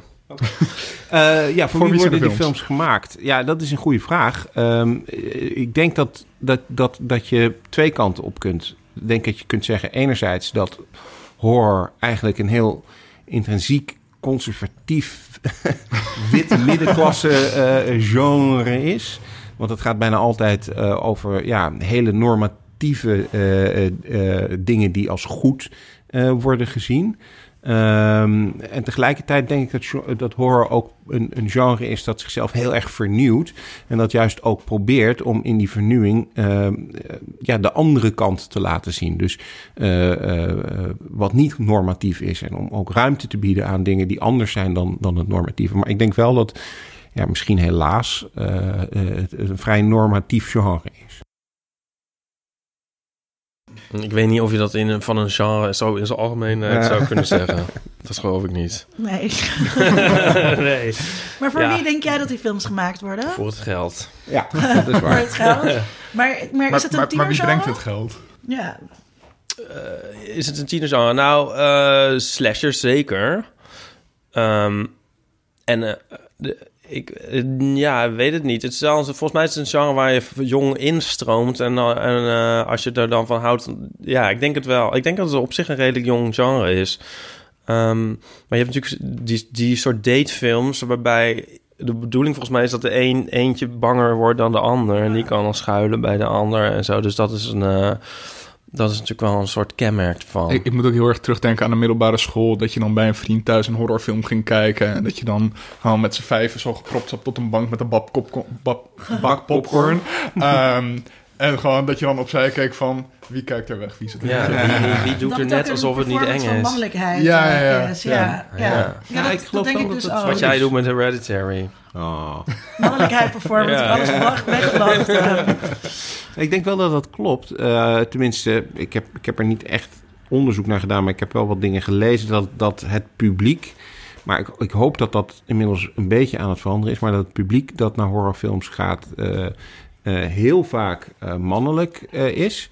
En eh, niet, niet eens per se van die date, eh, dates die naar de, naar, naar de horrorfilm gaan. Maar meer zoals Tom het beschrijft inderdaad. Vriendjes die met elkaar op de bank eh, eh, zitten of samen naar de, de horrorfilm gaan. Maar daar, zijn- daar is wel, moet ik even, even Mhm. er is een enorm verschil natuurlijk tussen de context van ehm, naar een bioscoop gaan Ja, en een horrorfilm absoluut. kijken. Absoluut. En op de Ja. bank zitten. Want op de bank kan je elkaar zien. Kan je Mhm. kijken wie Ja. er wegkijkt. In de bioscoop is dat veel moeilijker. Is het veel lastiger om elkaar aan te kijken. Eh, eh, als je alleen thuis zit, dan kan je ook heel makkelijk het geluid even uitdoen of iets eten of zo. Die Dingen zijn altijd minder eng als je zelf krakende geluiden in je hoofd maakt dan wanneer je hoeft te luisteren naar een deur die opgaat. Ehm, eh, Ja, en ik denk dat het ook een, een, een eh, we, hebben het nu over, over, over mannen en vrouwen, maar ik denk ook dat het toch wel eh, een vrij wit publiek is. Eh, ehm, en dat komt denk ik niet zozeer omdat eh, gekleurde mensen geen horrorfilms kijken of willen kijken, maar meer omdat volgens mij de, de industrie, de mensen die het geld ze belangrijk niet vinden, gerepresenteerd worden. ja, precies, denken dat ze het niet willen zien en Ja. daardoor eh, de representatie heel erg achterblijft. het Black, Black Panther eh, verhaal, ja, precies, zeg maar. Black Panther ja. verhaal. Ja, want... ehm, Heb je ook eh, een Get Out, dat echt ja, de succesvolste ja, eh, horrorfilm Eh, is van vorig uit- jaar? aan Vorig Get- jaar, twee jaar terug? Ja, absoluut. Aan Get Out zie je dat het dus eh, ontzettend goed werkt als je het wel goed doet. Maar dat is ook ja. heel expliciet, zeg maar, politiek zwart gericht om een politieke boodschap te brengen. Ja, Eh, er zijn Waarbij nog- ik ook heel erg, eh, ik wist niet, wij wisten niet wat we aanzetten. Eh, en eh, dus we hadden ook helemaal niet door dat het zo'n goede film was. We dachten eigenlijk gewoon dat het een beetje eh, trash, trashy film was. maar ehm, daar is dus ook, eh, dat van die genre-kenmerken zo belangrijk, dat je dat dus helemaal niet, dat je die daar helemaal niet ziet aan het begin. En Mhm, dus zeker niet inderdaad met die zwarte hoofdpersoon. denk je al, hè, dat kan nooit horror worden. Eh, sorry, was een fout grapje. Maar, ehm, eh, en, maar dat is ook wel leuk op het moment dat het dan je heel erg op het verkeerde been eh, zet. Maar jij zegt ook, ja, misschien is het meer. Heeft eh, Get Out meer eh, de vorm van horror gekozen om eh, de horror te laten zien van hoe het is om een zwart persoon in Amerika te leven? Ja, ik denk dat het daar ook wel heel erg mee te maken heeft. Ja, wat ook American Horror Story, de serie, doet zeker in de eerste seizoenen. De horror van American Horror Story is niet eh, eh, eh, het geest, de geest die in de, in de kelder woont, maar zijn, is de ellende van de alledaagse situaties. Ja, de regisseur van Get Out noemde de film volgens mij ook... Ik ben, ik ben zijn naam even kwijt. Ehm, Jordan Peele. Ja, no- noemde de film ook eh, geen horrorfilm, maar een documentaire. Ja, ja, ja, Ehm, klopt. Gewoon, dit, dit, dit is hoe het is om zwart te zijn in Amerika. Dat, Ja. dat, dat, dat bedoelde hij. Maar het is wel grappig, het, of grappig, het is eigenlijk triest dat, dat de films waarin gekleurde mensen wel een belangrijke rol spelen. Je hebt bijvoorbeeld ook Candyman, dat is een, eh, een, een horrorfilm die, die, waarbij de, eh, eh, ja, de bad guy is een zwarte man. En het speelt zich voor een groot deel ook in de ghetto eh, af. Hele foute term, maar goed, dat is wel zo. Ehm, en in die film, en net, net als ook in Get Out, ehm, heb je dus het probleem dat er wel gekleurde mensen zijn, maar dat het dan ook per se meteen moet gaan om het feit dat ze gekleurd zijn. En dat dat dus heel. eh Nou, is dat in Candyman zo? Ja, in die zin, op mee. het verhaal van Candyman zelf niet zo, maar wel het feit dat het, dat het in Maar dat de ghetto afspeelt. Ja, ze gaan er... Ik heb dat niet zo heel aan, maar de, de Mhm. hoofdpersonen zijn wel twee blanke... Ja, eh, twee blanke vrouwen. ja. Maar die, eh, die film heeft wel een soort... ehm, die wordt volgens mij nog gezien als een soort emancipatoire door dat Candyman. Ja, ja, ja, dus, dat- eh, ja. Maar dat is heel vaak ook, ook bij queer representation natuurlijk. Dat het, het simpele feit dat er queer rep- representation is, is al heel wat. Ja. Eh, ook al is het problematisch en ook al is er eh, Ja. best wel wat op aan te merken. Eh, maar het zou dus mooi zijn als we naar een eh, tijd toe kunnen waarin... En dat is eigenlijk dan weer met George A. Romero en Night of the Living Dead... ergens heel vooruit, nog steeds heel vooruitstrevend... omdat daar dus er gewoon een zwart... Nou ja, gewoon tussen aanhalingstekens een zwarte hoofdpersoon is. Waar het niet erom draait dat hij zwart is. In ieder geval niet in eerste instantie in het verhaal. Maar net maakte je dat nog tot... eh, ik ja, omdat het daar ook. dan maar- Ja, maar dat is ook, daarom is het ook interessant. Want daar gaat het natuurlijk impliciet en, en extra eh, contextueel of extra textueel gaat het daar natuurlijk wel over. Alleen in het verhaal is dat niet het issue. Maar dat kan niet samen. Ja, jawel. Ja, nee, dat kan dus niet samen. Ja, je hebt, je hebt Dat- dingen die buiten de tekst staan en dingen die in de tekst staan. Je hebt dingen die buiten de tekst staan en dingen die in de tekst staan. Maar het gaat... Dat samen vormt de betekenis die je aan die tekst geeft. Ja, maar die kunnen wel verschillend zijn. Maar je, nee, je kan niet... Ja, dat is oké, sorry. Nee, ja, nee. Ja. Ehm, Deden jullie het ook al bij serie-eindes? Dat kan ik niet zeggen. Nee, nee, nee, nee, nee. We hebben niet eerder zo, zo eh, gebotst. eh. Dat maakt verder, maakt verder niet uit. Ik Ehm, vind Candyman door die setting wel een soort heel realistische, heel Ja. akelige eh, film die heel erg aankomt. Je ziet eigenlijk dat daar best wel dat ze daar wat laten liggen. Juist die suburbia films zijn vaak hebben iets heel artificieels en afstandelijks of zo. Dat je denkt, ja, het zal wel daar. En ehm, bij Candyman is dat veel echter, vind ik. Heel, heel een beetje een overlooked film is dat. En is daar ook een verschil in tussen westerse en Aziatische horror? Nee. Nou, ja, ik moet denken aan eh, Dark Water, een film. Die keek ik ooit eh, met een vriend en die zei toen... eh, dit is een soort... eh, wat zei hij? Hoe zei hij nou? Hiroshima aan de IJssel. Dat is een soort... Maar dat is, is zo'n... Ook, dat, dat heeft een soort setting, weliswaar Aziatisch... maar ook een beetje een soort eh, overvechtachtig of zo. Ehm, wat, wat mij dan helpt om eh, zo'n film eh, intenser te beleven, zeg maar. Ja, Aziatische horror eh, is, is, is toch wel heel anders, denk ik, dan, dan westerse horror. Het gaat vaak over hele, toch andere, andere vormen van horror. Vaak veel meer, nou ja, sowieso, op de, ik weet niet wat dat is, maar op de een of andere manier heel vaak gaat het om kinderen. Kinderen heel met eng hele zijn. grote Ja. ogen. Ja, Fucking creepy. Iets met haar. ja Lang zwart haar. Ja. Ja, ja, ja. Dat overal uitkomt en, loslaat. uitkomt en ingaat. ja. En maak dat geluid nog eens een keertje. Oh, nee, dat kan ik niet nog een keer. ja dat is de, gr- de grudge. Ik weet niet of dat prettig was, maar... Is ook niet een beetje een, eh, ja... Nee, die film, dat was natuurlijk een soort wave van, eh, van eh, Aziatische horror. Ja, en remakes. En remakes, die worden ook allemaal geremade. Ja, dat is dan ook wel weer erg eigenlijk. Dat er dan een Eh, Amerikaan in moet spelen, dus anders gaan we niet kijken. Ja. Ja. Ja, ja, ja, nou ja, dat is die taalbarrière. Dat is, eh, en, en ze zijn niet allemaal slecht, moet ik er ook bij zeggen. Bijvoorbeeld de remake van The Ring, de eerste. Dat is, dat is best een goede film. Dat is En The niet- Grudge is hartstikke eng. Ja, dus, eh, de- Ook al is Sarah Michelle Gellar super slecht. ja, de remake van eh, een, een, een Scandinavische horrorfilm, eh, overigens Let the Right One In.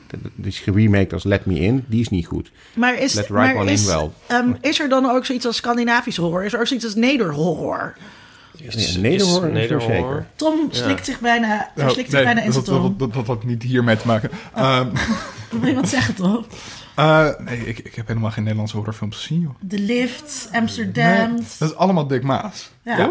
Nou, Ja, is, ja. z- Zijn er nog andere horrorregisseurs hier in? Nederland? Ja, nou, eh, regisseurs. Nou, ik zit nog heel even te denken dat, dat ik denk over. Je hebt een soort herkenbaarheid die eh, een film eng kan maken, maar je hebt ook juist een soort exotisme dat een film juist ook weer eng kan maken. En ik vind The Ring, zeg maar, als je die toen je die zag als Japanse film en je die is zo, zo afwijkend van wat je no- normaal ziet, dat die daardoor ook veel enger is, vind ik, omdat je ook niet zo goed weet wat je allemaal moet verwachten.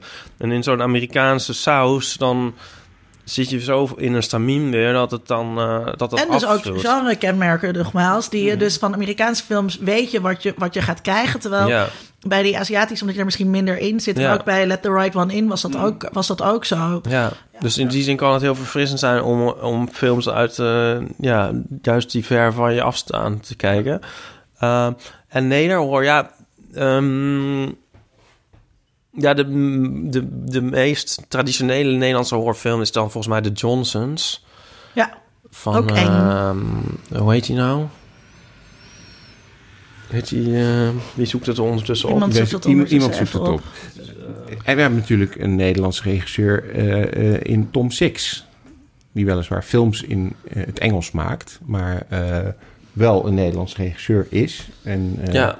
Human Centipede. Human Centipede. Rudolf van den Berg. Oh ja. Dat is van de Johnsons. Maar bij The Human Centipede wordt juist gezegd dat het dan on-Nederlands is. Ja, Nee, hij, niks van, hij heeft zich van Nederlands Nederland, na, van Nederland afgekeerd, Ja, die Tom ja. Six. Hij wil niks meer van Nederland weten. Wel van geeky dingen, want hij stuurde ons een tweet uh, dat Oh, hij ja? ons veel plezier wenste met uh, The Human Centipede. Ja. Nice. Uh, ja. Wat onaardig van ons dat we maar dat wel al niet hebben Engels. gekeken. wel in het Engels. Oh, hij zei, Engels, ja. ja, ja, Oh, ja. hij zei enjoy the madness. Dus, Oh, wat leuk. uh, nee, maar Tom Six... Ja, het Nieuws wil hij al heel lang geniet van de interviewen. gekte. Geniet van de gekte is wel een goede titel. Geniet van de gekte, ja. Ja. Uh, maar ja, Tom Six inderdaad, dat, ja, dat, die, die, die zet zichzelf ook heel erg neer als on-Nederlands. Maar ergens is het toch wel weer Nederlands. Want de Human heet Cent- hij ook echt Six van zijn achternaam? Of Volgens ook mij wel, eh, net zoals, de, als hier op de gracht, hè, de, waar de Rembrandt eh, vandaan komt. Eh, ook Six.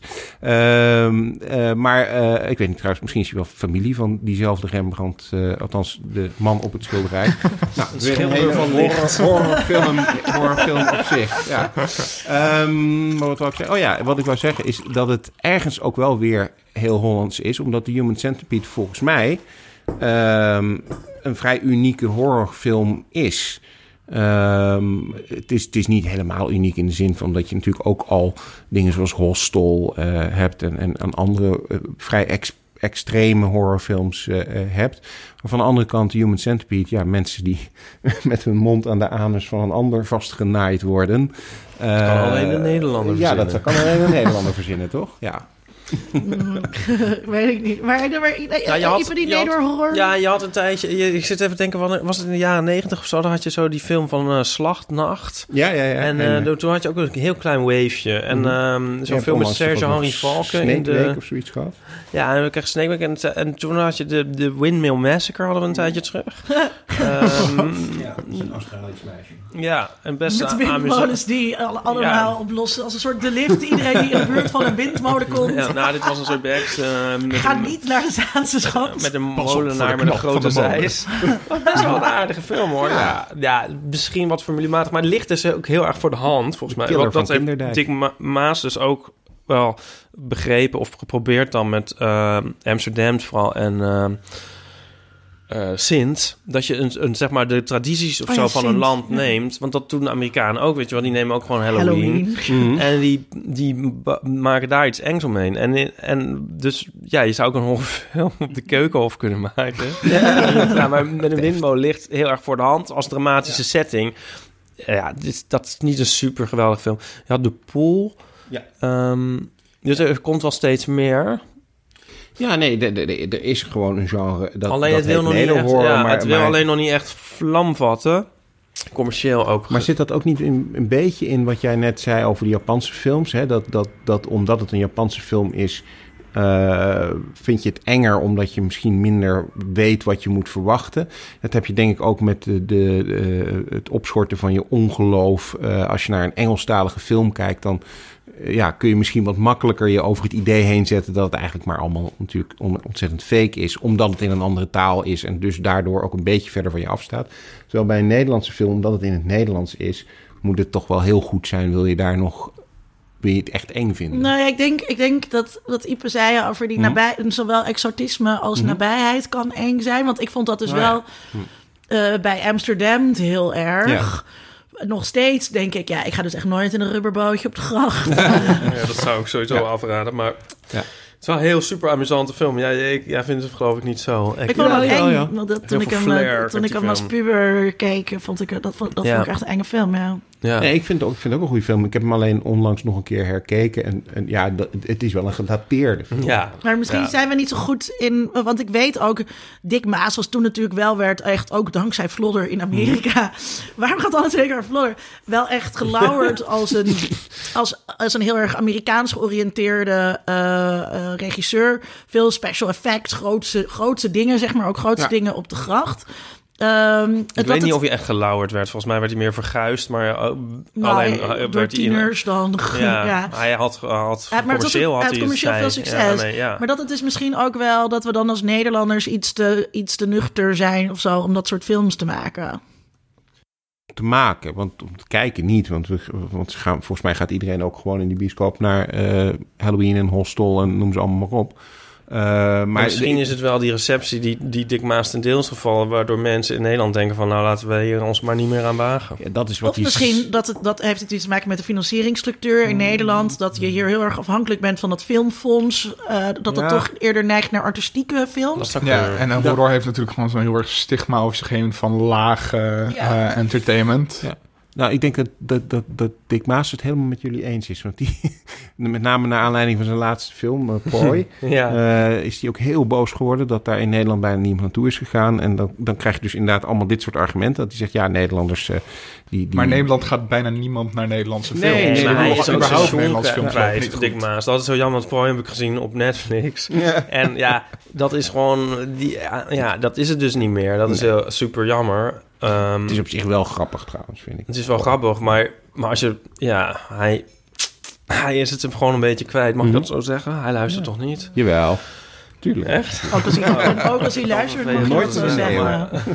maar ehm, maar je, je zou horrorfilms... In principe is dat ook een genre wat zich ook weer leent... om low-budget films Ja. in te maken. Ja, ja, ja. Maar er worden wel heel veel eh, korte films gemaakt door mensen. Gewoon een soort eh, onafhankelijke producties en dingen die gewoon op eh, internet gegooid worden en zo. Ja. En daar ehm, zitten ook wel eens eh, leuk. Ja, en je ziet, eh, en ja, waar jij het dus niet mee eens bent, Linda, maar juist vanwege het feit dat je in zo'n horrorfilm toch wel iets kunt doen met de tijdgeest. Dat is niet Eh, wat ik zei. oh nee, dat is niet wat ik zei, Sydney. Nee, nee. Maar eh, is het ook iets waar heel veel jonge filmmakers, die dus nog niet zoveel veel eh, budget eh, hebben, eh, juist naar grijpen? Omdat je met een horrorfilm eh, ja, met minder budget toch best wel veel kunt, eh, kunt doen. En dat het heel leuk is om met die genre-kenmerken aan de slag Aan te de gaan slag en daarmee gaan, te experimenteren. Ja, ja oh, en wat niet onvermeld mag blijven. eh, Tim Komen van de Schokkend Nieuws podcast en Ja. ook Schokkend Nieuws... die heeft een korte film gemaakt ehm, over een dodelijke podcast. Oh. En daarmee is hij naar Amerika en ze,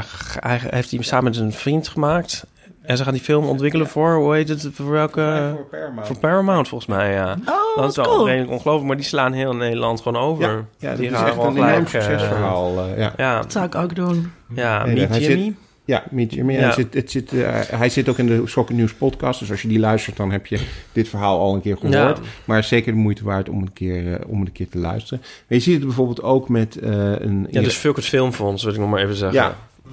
Ja, nou, ik, dat zou ik niet zo snel zeggen. Maar eh, het Filmfonds doet ook heel veel hele goede Oh, ja. dingen voor Ja, festivals en zo. dan. Ehm, maar eh, als je kijkt naar, om toch even nog te hebben over dat, dat je met weinig budget toch een goede horrorfilm kunt maken en dus ook heel veel thematiek kunt aansnijden. Dat zie je bijvoorbeeld ook eh, in zo'n film als A Girl Walks Home Alone at Night. Dat is een Iraanse horrorfilm. Ehm, weliswaar in Amerika opgenomen overigens, want dat was toch iets te lastig, denk ik, om het, eh, om het in Iran eh, zelf op te nemen. Ehm, ik denk te gevaarlijk. Eh, Je toch gewoon filmen. Je mag gewoon films maken in Iran. Alleen niet ja, maar je kunt niet alles doen natuurlijk. niet als je, je wil dat je personages geen hoofddoek hebben of Precies. gaan dansen. Of, ja, en, daar, en, en dat kun je dus in zo'n film onder andere aan de orde stellen. en dat doet deze film dus ook. Hè, want het gaat inderdaad over een meisje dat eh, naar ja, niet alleen naar huis loopt, maar ook nog een vampier blijkt eh, eh, te zijn. En nou ja, daar dus contact met mannen heeft, of alleen met mannen is. Ehm, en ja, dat is dan toch wel weer interessant dat je dat in, in zo'n horrorfilm met vrij weinig budget kunt laten zien.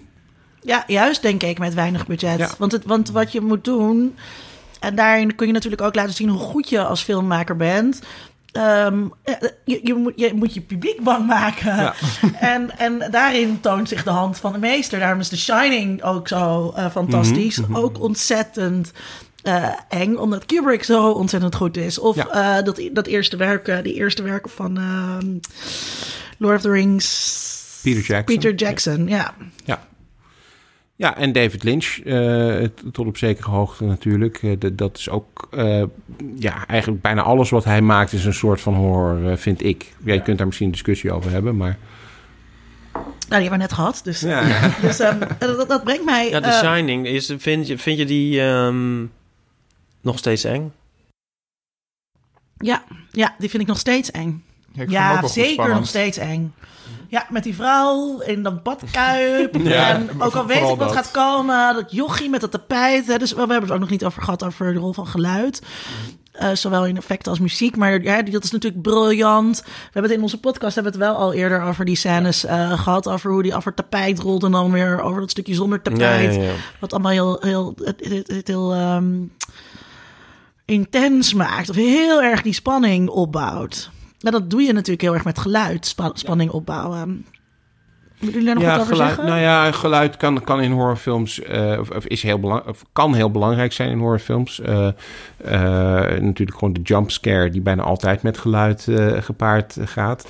Eh, maar ook gewoon hele creepy geluiden, die, die kunnen je heel erg eh, in een sfeer brengen. Ook al, ook al gebeurt er niet zo heel veel, maar als de hele tijd een heel creepy muziekje of geluidje eh, bezig is, ja, dan voel je je al heel erg ongemakkelijk. Ehm, ik, ik heb de, de- een vraag die ik heb. eh, die, ik, die ik heel erg had na dus het kijken van Hush. Waarom wil, en met Halloween, waarom wil de killer dat je bang bent? Dat, dat, dat zijn prooi bang is. Dat, dat slaat nergens op. Je bent een seriemoordenaar, weet je wel, en je komt bij dat huis.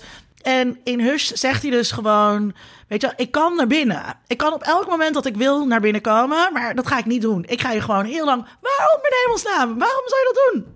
Een soort sadistisch plezier eruit. En het is natuurlijk heel saai voor de kijker. Ja, dat maar, gewoon, maar, maar- ja, maar gewoon vanuit, vanuit de film kan het ook gewoon de motivatie zijn dat je speelt met je prooi of zo. Weet je, dat soort dingen. Dat hij gewoon zo fucked up is dat hij eerst wil, wil zien dat die angst er is. Mhm. Ja, dat, kan je zit- dat zit-. Dat, dat ook letterlijk in sommige horrorfilms. Hè? Dat, dat, dat de, maar dat is vaak als het een bovennatuurlijke dader is, eh, dat die, dat die een soort van eh, zich voedt met de angst. Eh, of dat de angst het- de prooi eh, smakelijker maakt of zo. Dat hij het, dat hij het dan lekkerder vindt. Ehm, en daarnaast. Wat denk- gewoon niet zo is, hè? Dus, dus ook in heel veel horrorfilms wordt, wordt er, wordt, zijn er heel billies die mensenvlees eten. Maar vlees is dus minder lekker als het beest bang was op het moment dat het doodgemaakt werd. is een kwestie van Dat, smaak. dat, dat weet iedereen. als je dat terug kan proeven, Dat is is, dat juist dat- heel die, stress, die stress maakt het vlees taai. Ah, misschien vindt die thaaivlees juist... eh, Wat is, maar dat is is helemaal, niet- is dat dit is niet- helemaal ongeloofwaardig. Is dit niet een beetje een mythe ook sowieso? Is dat niet als je gewoon zeg maar in een leven in angst, dan is dat misschien zo. Maar als je soort laatste Nee, tien minuten voor, je, voor je dood, Nee. als je dan nog wat schrik Ja, want dat krijgt, trekt alles. je dat Dat, terug? ja, dat trekt dan aan in die Geloof ik spieren. niet. Nee, Ja, zou kunnen. nee, daarom worden dieren op een bepaalde Gewoon manier. Nico, dit mag je niet veel, luisteren. Veel paprika poeder bij doen. en- Daarom, daarom worden dieren op een bepaalde manier gedood, zodat ze eh, eh, geen angst hebben tijdens het doodgaan. Want het is slecht voor de sma- vle- eh, smaak van het vlees. Ja, dat is is dat echt niet zo. ook enigszins op met het oog op dierenwelzijn? Nee, niet, nee, maar- nee. Hmm. dat kwam pas later. Oké. Maar wat een ander aspect is van die, van die, van die moordenaars die, die, die eh, nou ja, hun slachtoffer bang maken, eh, is volgens mij gewoon het, het laten zien van de macht die ze hebben over hun slachtoffer.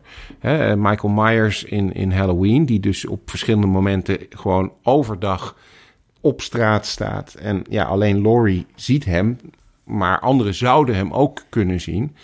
En ik denk dat hij daarmee, eh, of in ieder geval het signaal wat, je als kijker, wat ik er als kijker van, van oppik, is dat ik denk van die man, die is gewoon echt heel gevaarlijk. Want het interesseert hem geen fuck dat hij daar midden op, eh, op, overdag op straat staat.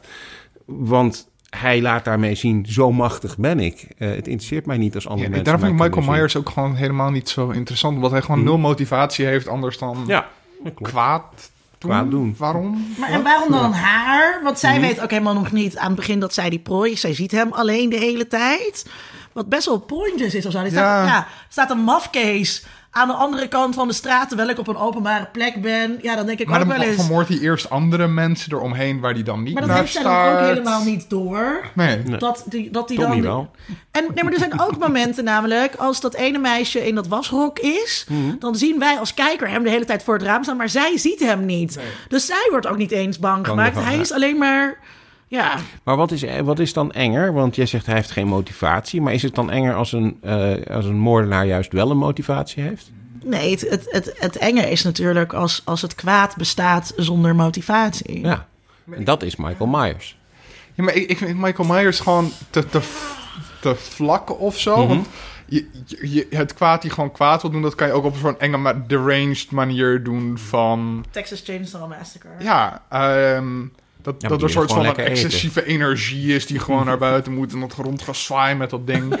Ehm, en met Michael Myers is het gewoon, ja, hij steekt gewoon mensen neer. Dat Ja. is gewoon wat hij doet. Gewoon een dude. Ja, ja. Hij heeft, de... hij heeft een beetje een, een gek Star Wars masker, maar ja, Star daar Trek, houdt Star eh, Star Trek. Trek, sorry, Eh, Star Trek masker en, en daar houdt het wel een beetje mee op. Ja, maar ze zijn, ik denk dat het... Want stel dat hij wel motivatie heeft... dan wordt het natuurlijk al snel weer een puzzel... en dan is het meer Ja. een thriller. Dan moeten we Ja. het hebben. En Ja, dat zie willen je we ook wel. Bij, bij, bij Halloween zie je dat heel duidelijk in de eh, vervolgen. Dat is ook een, een ding bij horrorfilms. Hè, dat het bijna altijd, als het een beetje succesvol is, moet het een vervolg krijgen. En, en vaak zijn. In de- tegenstelling tot alle andere genres. nee, nee, nee, dat, dat, dat niet. Maar Maar in horror is het wel redelijk extreem. ja, precies. Bij horrorfilms Zit je al gauw aan Ja. deel 7 en 8 en het gaat zo. bijna altijd om Ja, een je, franchise. je hebt terwijl ook je Saw kunt- 12 of zo. Ja, dat precies. dingen. Ja, dat is wel zo. En ehm, eh, Maar dan krijg je die, die, die ja. behoefte om dingen uit te gaan Precies, leggen. Dus dan- dan, heeft Michael Myers achteraf al toch een motivatie. Motivatie, want ja. oh, het was eh, zijn zijn zus. zus. Ja. Ja. ja. of blijken ze dus een Ja. keer bovennatuurlijk te zijn. Maar daar wordt het vaak niet echt beter op. Nee, En dat moet dan weer tw- 20 jaar later, 30, 40 jaar 40 later, jaar later. in de prullenbak. Oeh. ja. ja. Ja, twintig jaar later was eh, H2O. Dat was, dat was ook al met eh, een terugkeer van Laurie eh, Strode. Eh, en wat wel leuk... Het is op zich best sowieso een aardige film, H2O. Beter dan alle andere eh, vervolgen op Halloween. En het leuke is dat, dat haar moeder eh, daar ook in zit. En dat is weer de actrice die in, in Psycho Oh, ja. de originele Scream, Scream Queen eh, eh, was. Ja, over, over waarom het er zoveel worden, dat is waarschijnlijk ook omdat het, eh, het verhaal een makkelijke invuloefening is. Want je kan exact hetzelfde doen, omdat het publiek ook gewoon een soort van dezelfde soort eh, scares verwacht. En dat blijft leuk. En wat je zegt van, eh, als je een film, sommige films zijn alleen de eerste keer eng en de tweede keer weet je het al. Maar bij, als je een vervolg maakt, dan is het net iets anders. Dus dan ben je toch weer bang. Ja, ja, Ja, ja. maar je ziet wel vaak bijvoorbeeld ehm Nightmare on Elm Street... wat ik op zich een hele leuke reeks vind. Maar ik vind deel 1 echt, echt eng. En het is een, best wel een harde film of zo. En die, wordt, die, die serie wordt dus steeds komischer. Ja. En ehm, dan denken de makers ook van... oh, die, die Freddy die is populair, die moet er wat meer in. En op het einde heeft, heeft, de, heeft de man, zeg maar, is bijna permanent in beeld... en staat maar de one-liners te ja, ja. imiteren. Wordt meer een soort Freddy stand-up. Ja, En dan ben je dus helemaal kwijt. ja. Ja. En, en jij zegt van ja, dat is, dat is, dat is leuk. Ehm, is dat ook problematisch? Want als je kijkt naar heel veel horrorfilms, niet alle, maar de meeste horrorfilms gaan toch over geweld tegen vrouwen. Eh, maar tegelijkertijd zeg je ja, dat is hartstikke leuk. Is er ook leuk? Nou, geweld tegen vrouwen is op zich niet leuk natuurlijk, toch? Eh, nee, eh, afgeslacht worden Nee. is, is niet Nee. leuk, maar ehm, eh, ja, we, we hebben het daar ook wel eerder over gehad toen we het Mhm. over David Lynch hadden. Dat is gewoon wel een realiteit Ja. van, van vrouwen. En misschien is het daarom wel interessant dat jij zei, wat ik wel van je aan wil nemen, dat meer jongens het kijken. Mhm. Ja, omdat vrouwen gewoon in het alledaagse leven gewoon vaak heel bang, heel bang zijn. Al. Ja, en maar- A Girl Walks Home Alone at Night. Ja, dat kan voor eh, een man die dat kijkt denkt... wow, wat een enge film. Terwijl voor, voor bijna alle vrouwen die alleen naar huis lopen... is dat gewoon elke avond eng. Ja, ja. Maar tegelijkertijd is het ook zo dat, eh, en dat, dat, dat is wel een interessante, of ja, misschien is het helemaal niet interessant, ik ben benieuwd wat jij vindt. Ehm, enerzijds gaat het dus over geweld tegen vrouwen. Vrouwen zijn het slachtoffer, daarom heb je een final girl, hè, die het uiteindelijk overleeft. Maar tegelijkertijd heb je een final girl. Dus er is altijd een vrouw die het overleeft. Dus ergens gaan die films ook over het feit dat vrouwen dus heel sterk zijn en het Ja, weten en- te overleven. En al vanaf het begin, eh, of nou, vanaf het begin weet ik niet, maar eh, zeker ook in, in die Hitchcock-films. zijn dat eigenlijk allemaal hele sterke vrouwen die eigenlijk buiten traditionele rolpatronen eh, staan. En die allemaal eh, interessante dingen doen, zoals geld stelen, Ja. voor zichzelf opkomen. Ehm, eh, ja, die, je wel, die je wel feministische iconen zou kunnen vinden, die vervolgens wel afgeslacht worden. Want dat is wat er gebeurt met je als vrouw in de maatschappij als je afwijkt Ja. eh, van het pad. Ja. En, en dan zou je kunnen zeggen dat mannen daar genoeg eh, uithalen. om te Maar zien heel, dat die heel veel vrouwen van, van, die, worden. van, van die moorden zijn ook zo geframed.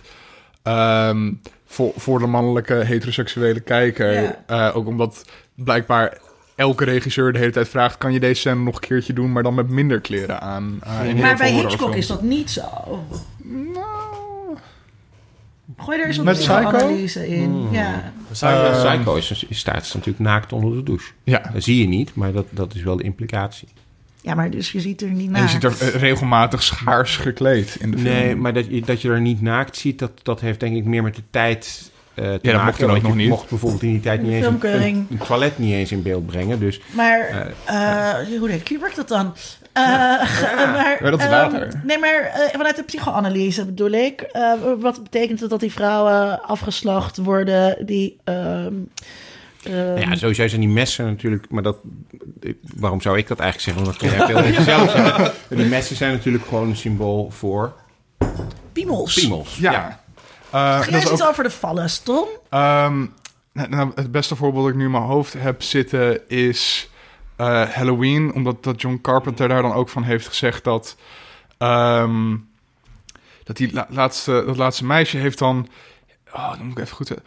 Oh ja, omdat dat zij heel erg preuts is, heeft ze Mhm. heel veel opgekropte seksuele energie. Dus daarom heeft zij als enige vrouw de kracht om die vallische objecten te gebruiken om tegen Michael Myers Ja, in te gaan. En daarom is preutsheid goed. I don't know, ik weet niet precies wat daar de boodschap vandaan Een beetje is. een moeilijke Ehm, boodschap. Ja. Ik moet ook denken aan The Witch nou. Ja, dat gaat ook. Ja. Wat, maar, dat- maar daar heeft de, trekt de vrouw dan misschien uiteindelijk wel aan het langste eind op een bepaalde manier. Ja, dat is interessant, want dat is volgens mij in moderne... Nou ja, mode, ik weet niet wat je moderne... Eigen horror- tijds. Eigen tijds, ja, dat is het juiste woord. Eigen tijdse horrorfilms eh, zie je volgens mij ook een heel erg een, een verandering daarin. ja, een soort hè? kentering. Ja, een kentering waarbij het inderdaad veel minder om eh, eh, de vrouw als slachtoffer gaat... en veel meer eh, om, om, om een sterke persoon. eh, Dat is ook in de jaren tachtig zo? Ja, ook wel, maar op een Dus in Halloween is Mm. eh, eh, eh, Jamie Lee Curtis eh, iemand die veel boeken leest, die goed is voor de wereld en, en, Ja. en, en, en zij overleeft het. Ja, maar in The Witch is het volgens mij zo dat het... eh, eh, ik denk dat we hem wel mogen spoilen tot op zekere hoogte. mogen we dat. Mogen we dat? Ja. Nou ja, Nou ja. We laten hebben alles dit- gespoild. Ja, maar bij In The Witch is het zo volgens mij dat de, de, de, de, de, de, de hoofdpersoon, de, het meisje, eh, gewoon best wel een seksueel wezen is met een hele duidelijke eigen identiteit. En waarbij het niet per se zo is dat de seksualiteit haar ten onder eh, brengt. Nee, maar, zo. dus los, maar los van die seksualiteit denk ik dus dat het hele idee van de final girl... Mhm. eh, eh, ja, dat, dat dat heel sterk in dat genre verweven zit. Ja, ja. Ja, dat zit er zeker in. Dat zit er zeker in. Ja, ik zit te denken, want je hebt dus eh, als Candyman is het een soort de eerste zwarte en enige zwarte eh horrorschurk. Eh, maar je, het zijn allemaal mannen natuurlijk van Freddy, Jason, Michael, Chucky, eh, Pinhead en zo. En je hebt niet echt een, eh, je hebt nou nooit eens een, eh, De Nun. de nun. Wat een goeie. Een Annabelle. Ja, Eh, ja, is en, ook- en, ja, en, dus- en in The Exorcist heb je natuurlijk ook... eh, maar goed, dan is het eigenlijk natuurlijk gewoon de Satan, ja. de man... eh, die dan een vrouw Ja. bezet, bezit. Hoe noem je dat? Possession? Ja, bezit. Ja, bezit. Ja, maar nun is net nieuw ook, of niet? ja nun is nieuw. Dat Ja, is dus misschien is dan inmiddels de geest, zijn de geesten daar rijp voor. Nou ja, en, eh, ik, ik, ik denk dat ehm, eh, waar we ook een beetje de hele tijd tegenaan lopen met, met horror, bij alles wat je erover zegt, eh, kan je uitzonderingen verzinnen. Ja, ja. Het genre is heel erg divers. Ik was even aan het kijken vanuit, eh, vanuit de communicatiewetenschap, zeg maar, hoe de aantrekkingskracht van horror eh, wordt gezien. En eh, vanuit de mediapsychologie, waarin ze dan wat sowieso gewoon niet zo'n heel interessant vakgebied is. Eh, en dat is echt allemaal waardeloos. Dus alles wat ze verzinnen over eh, de psychologische aantrekkingskracht. Er zijn genoeg films waarbij dat totaal anders is. Ik waardoor, waardoor zo'n theorie eh, geen verklaringskracht meer biedt. Ja, dus je, kan niet, je kunt niet zeggen de aantrekkingskracht van horror Is is, dit of dat? dat je... Maar je kan toch gewoon een algemene trend doen, eh, schetsen zonder dat een tegenvoorbeeld dat direct ontkracht. Nou ja, maar dus bij, bij wat ze dus doen, bij de, bij de- zijn er te veel tegenvoorbeelden om... om Maar- het is, nee, je kan altijd wel een uitzondering op Ja. de regel verzinnen. Misschien kan maar ik hier er zijn er, eentje mag, ik, mag ik me inbrengen? even Ja, sorry, afmaken? ja, Sorry. Ehm, eh, dus je kan hier te veel tegenvoorbeelden verzinnen, omdat dat genre zich dus niet goed laat va- vatten. Terwijl als je meer vanuit een cultural studies, zoals we het cultural studies noemen, perspectief gaat kijken, dan gaat het veel meer over het kwaad willen begrijpen. En ik denk dat dat eigenlijk wel in zo'n beetje alle horror terugkomt. Dat het gaat over eh, er is een kwaad. eh, en zonder dat het de puzzel wordt van wat is de motivatie eh, eh, daarvan, kijk je toch omdat je een fascinatie hebt met dat kwaad, wat een beetje post-religieus is. Hè? Dus vroeger had je gewoon het kwaad in de kerk en het was heel duidelijk, ook met demonen en angstaanjagend en eh, eh, de hel. En dat hebben we natuurlijk nu in andere vorm. Eh, manifesteert zich dat bij ons op aarde. Dat er ook een kwaad is en dat je daarmee geconfronteerd kan worden. Mhm. Ja, ik, dat, dat, sluit aan op, op, op wat, ik, wat ik wilde benoemen. Ehm, omdat als je dat zegt, hè, van het gaat dus om het kwaad en om het begrijpen van het kwaad. ehm, dan ben ik wel benieuwd naar iets wat, als, als we Halloween weer als voorbeeld nemen. Eh, je hebt Halloween, de John Carpenter eh, versie, waarin het heel duidelijk gaat om Laurie Strode en haar eh, belevenis van wat er gebeurt. En dat in die nieuwe film gaat het ook weer over Laurie Strode. Je hebt op een gegeven moment ook een remake gekregen van Rob Zombie. En je hebt al die vervolgen, hè, de tot met Jason, of de eh, Freddy vs. Jason inderdaad. Ehm, en wat je in die vervolgen ziet, en zeker in die remake van Rob Zombie, is dat het niet meer gaat om de Laurie Strode van die film, maar dat het gaat om Michael Myers. En dat eh, ik hoorde iemand zeggen die zei van ja, de reden waarom de remake van Rob Zombie eigenlijk gewoon niet interessant is, is omdat hij geen het, he- die Laurie Strode interesseert, interesseert hem geen fuck. Het gaat hem alleen maar om die Michael Myers en die is niet interessant. Maar dat is wat Ipe eerder zei. Op het moment dat, echt, dat het gaat over wat de motivatie van de killer is, dan is het niet meer interessant. Eh, Op het moment dat het kwaad gepsychologiseerd wordt en geduid wordt en er eigenlijk ook een soort diagnose gesteld wordt, dan, dan is het ook niet meer het kwaad. Dan is het het, het, het moet gewoon op een bepaalde manier object zijn. En Ja. dat je gewoon niet kan vatten. Ja, Nou, ik weet niet of ik dat in zijn algemeenheid zou willen zeggen hoor. Maar in, bij, in, deze, in deze reeks in ieder geval wel, ja. Maar eh, bijvoorbeeld Freddy heeft ook een soort eh, duidelijke motivatie. Gewoon eh, v- wraak. En dat eh, werkt wel prima. En Pinhead heeft natuurlijk wel wel een interessante motivatie op zich. Op zich ben ik wel niet tegen motivatie. Ja, en ook Jigsaw van Saw. Zit ook daar soms om Oh, ja, morele ja. Oh, lessen ja, te leren. ja. en zo, wat ook de Ja, flauwste motivatie is. Ja. Ja, bij, bij, bij, bij Jigsaw moet je, moet je lijden om te begrijpen dat je leven eigenlijk eh, niet zo slecht was als je dacht dat het was, toch? Ja. Die, Hmm. ehm Sol 1 heb ik wel gezien. Die daar had ik dat ja, het het klinkt nou heel opschepperig, maar het is meer van. Ik, heb echt met, ik zag meteen wat er aan de hand was. Je had het meteen helemaal door. Ja, ja. De eerste seconde, ja. dan- eh, maar goed, toen moesten er nog twaalf films mee, maar ik heb alleen maar deel 1 gezien. Eh, Ja, nee.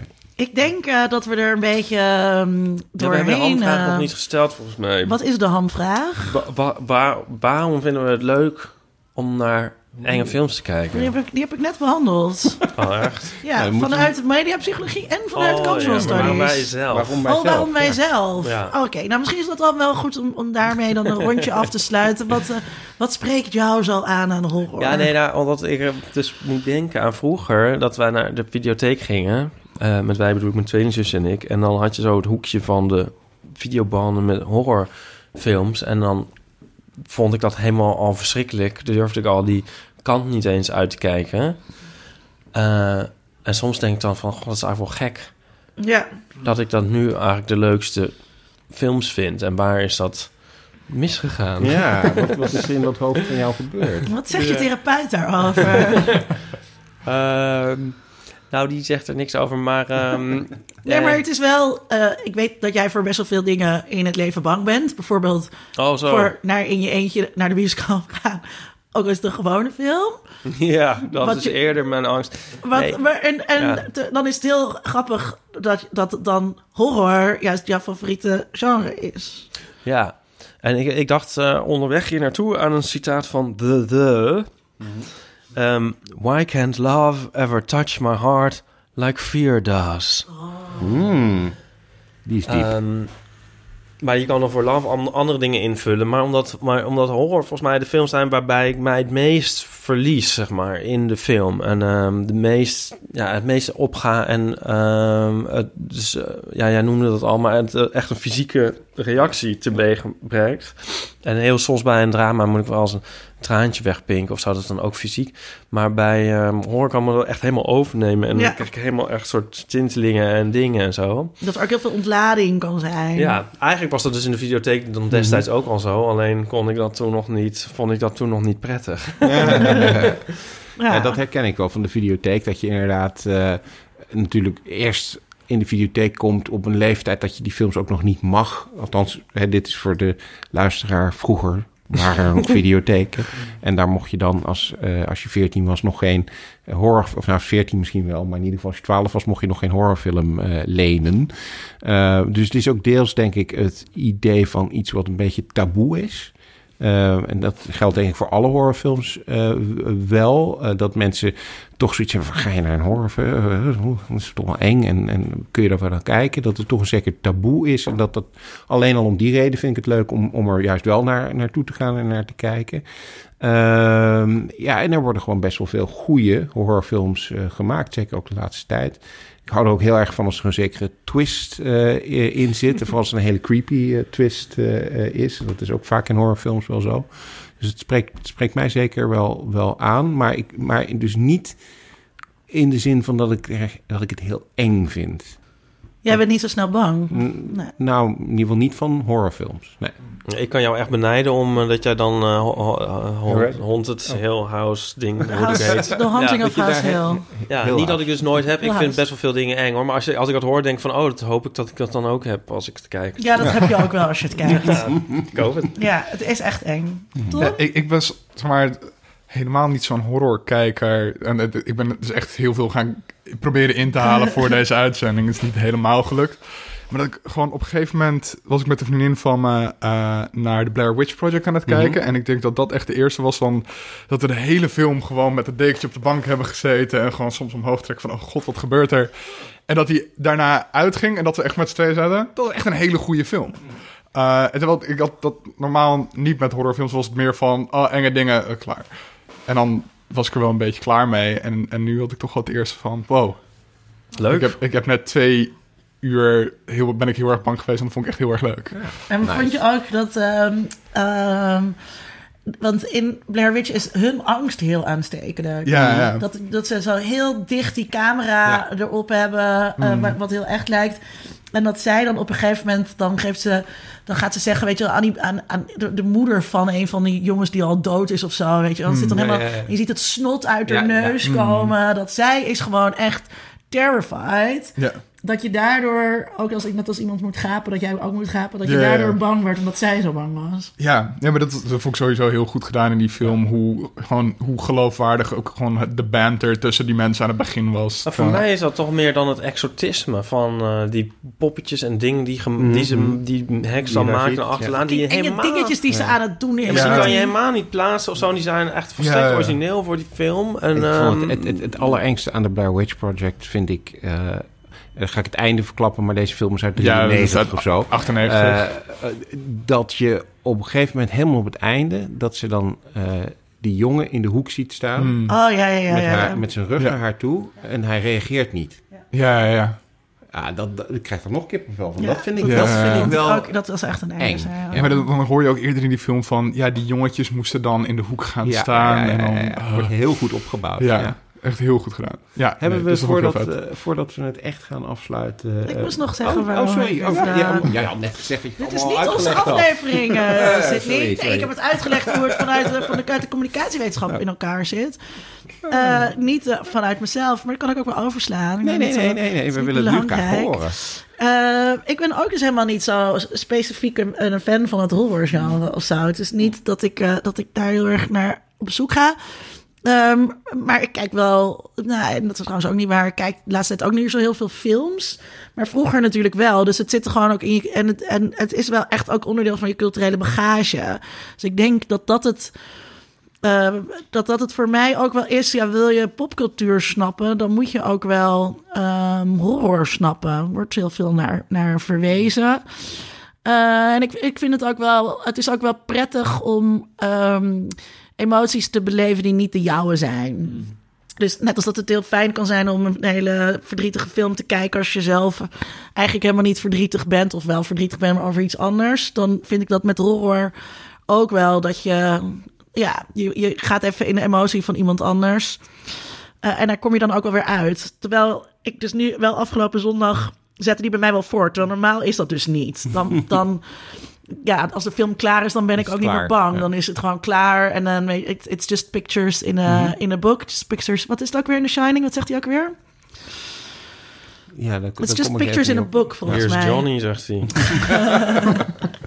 It's just pictures eh, in a book. Ja, wat wil je zeggen voordat we naar Nou, de ik wil, bumper ik gaan? wil zeggen, voordat we naar eh, ons eh, laatste onderdeel gaan, eh, is misschien nog dat, leuk als we allemaal, als we iets hebben, eh, aangeven of er nog horror tips zijn die, die, die we zelf heel leuk vinden, waarvan we zeggen, daar moeten Oh ja. onze luisteraars nog eens naar kijken. Ik heb wel een tip. Ja. Ja, ik heb jou al getipt. Ja, Weet je al wat ik ga zeggen? Ja, eh, A Dark Song wil ik tippen. Ja, ik heb hem ook al eens getipt in de Eeuw van de Amateur. Die eh, moest ik recenseren voor Schokkend Nieuws. Ehm, ja, volgens mij heeft echt geen mens hem gezien, behalve jij Ja, dan nu. dus.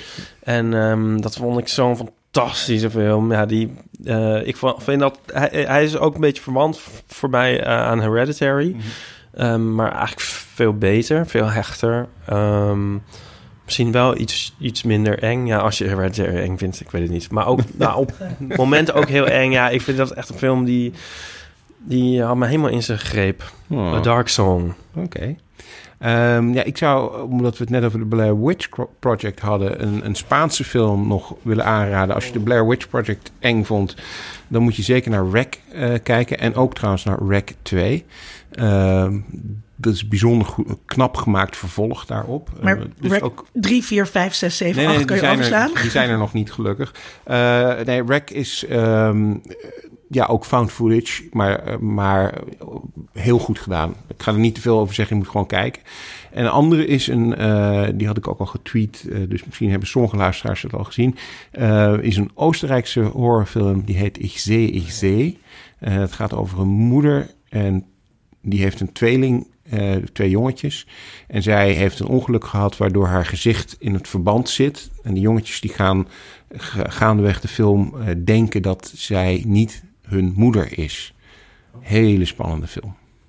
Tom, heb jij nog Ik tips? heb geen tips. Geen tips, Linda? Eh, ik kan wel wat uit het lijstje halen van films dat we hier liggen waar we Niemand niet... heeft Don't Look Now, hebben we het helemaal niet over gehad. Ja, dat wordt toch ook Now vaak gezien als een van de engste films ever. Ja. Eh, eh, ehm, eh, dus uit het lijstje eh, Paranormal Activity vond ik heel Oh, ja. eng. En eh Jeepers Creepers vond ik ook heel Jeepers eng. Creepers. Jeepers Creepers 2 heb ik nooit gezien, maar die schijnt dus ook een soort e- enorm homoerotisch te zijn. Of drie. Dus het schijnt ook een Jeepers Creepers soort totally gay te zijn. Maar sowieso dingen met eh, kinderversjes. Eh, Ja. dus inderdaad... eh, eh, eh, One, Freddy. two, ja, Freddy's precies. Maar ook. Jeepers, Peepers. Where'd you get... No, Jeepers, Creepers. Where'd you get those peepers? Nou ja, dan weet je dus waar Jeepers, Creepers... dat er iets met piepers is. Ja. Eh, tijd voor de bumper. In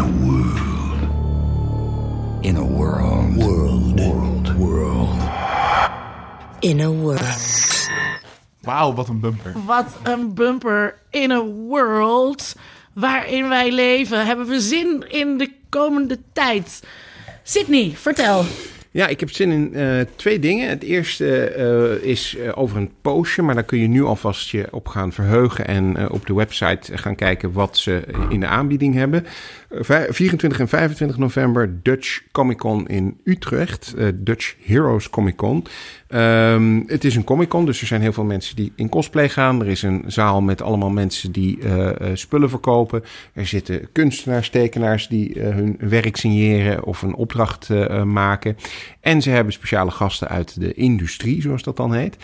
Ik weet dat ze onder andere een van die jongens uit Stranger Things hebben. Ehm, maar wie er precies komen, dat verandert eigenlijk weer per, per week. Dus je kan het beste even gewoon op hun website kijken. En dan weet je wie er komt. En ik denk dat ik in ieder geval ook ga proberen om daarbij te zijn. En iets anders eh, is dat ik to- toevallig is vandaag uitgekomen. En ik gelukkig. Normaal lukt dat nooit, maar kreeg ik het ook echt vandaag in de post. Ehm, dat is een fantastisch boek over. eh, dat, dat is The Making of Planet of the Apes. Dus de oorspronkelijke Planet of the Apes. Daar is nu een boek over gemaakt, The Making of. En ja, daar verheug ik me erg op dat ik dat de komende tijd kan gaan lezen.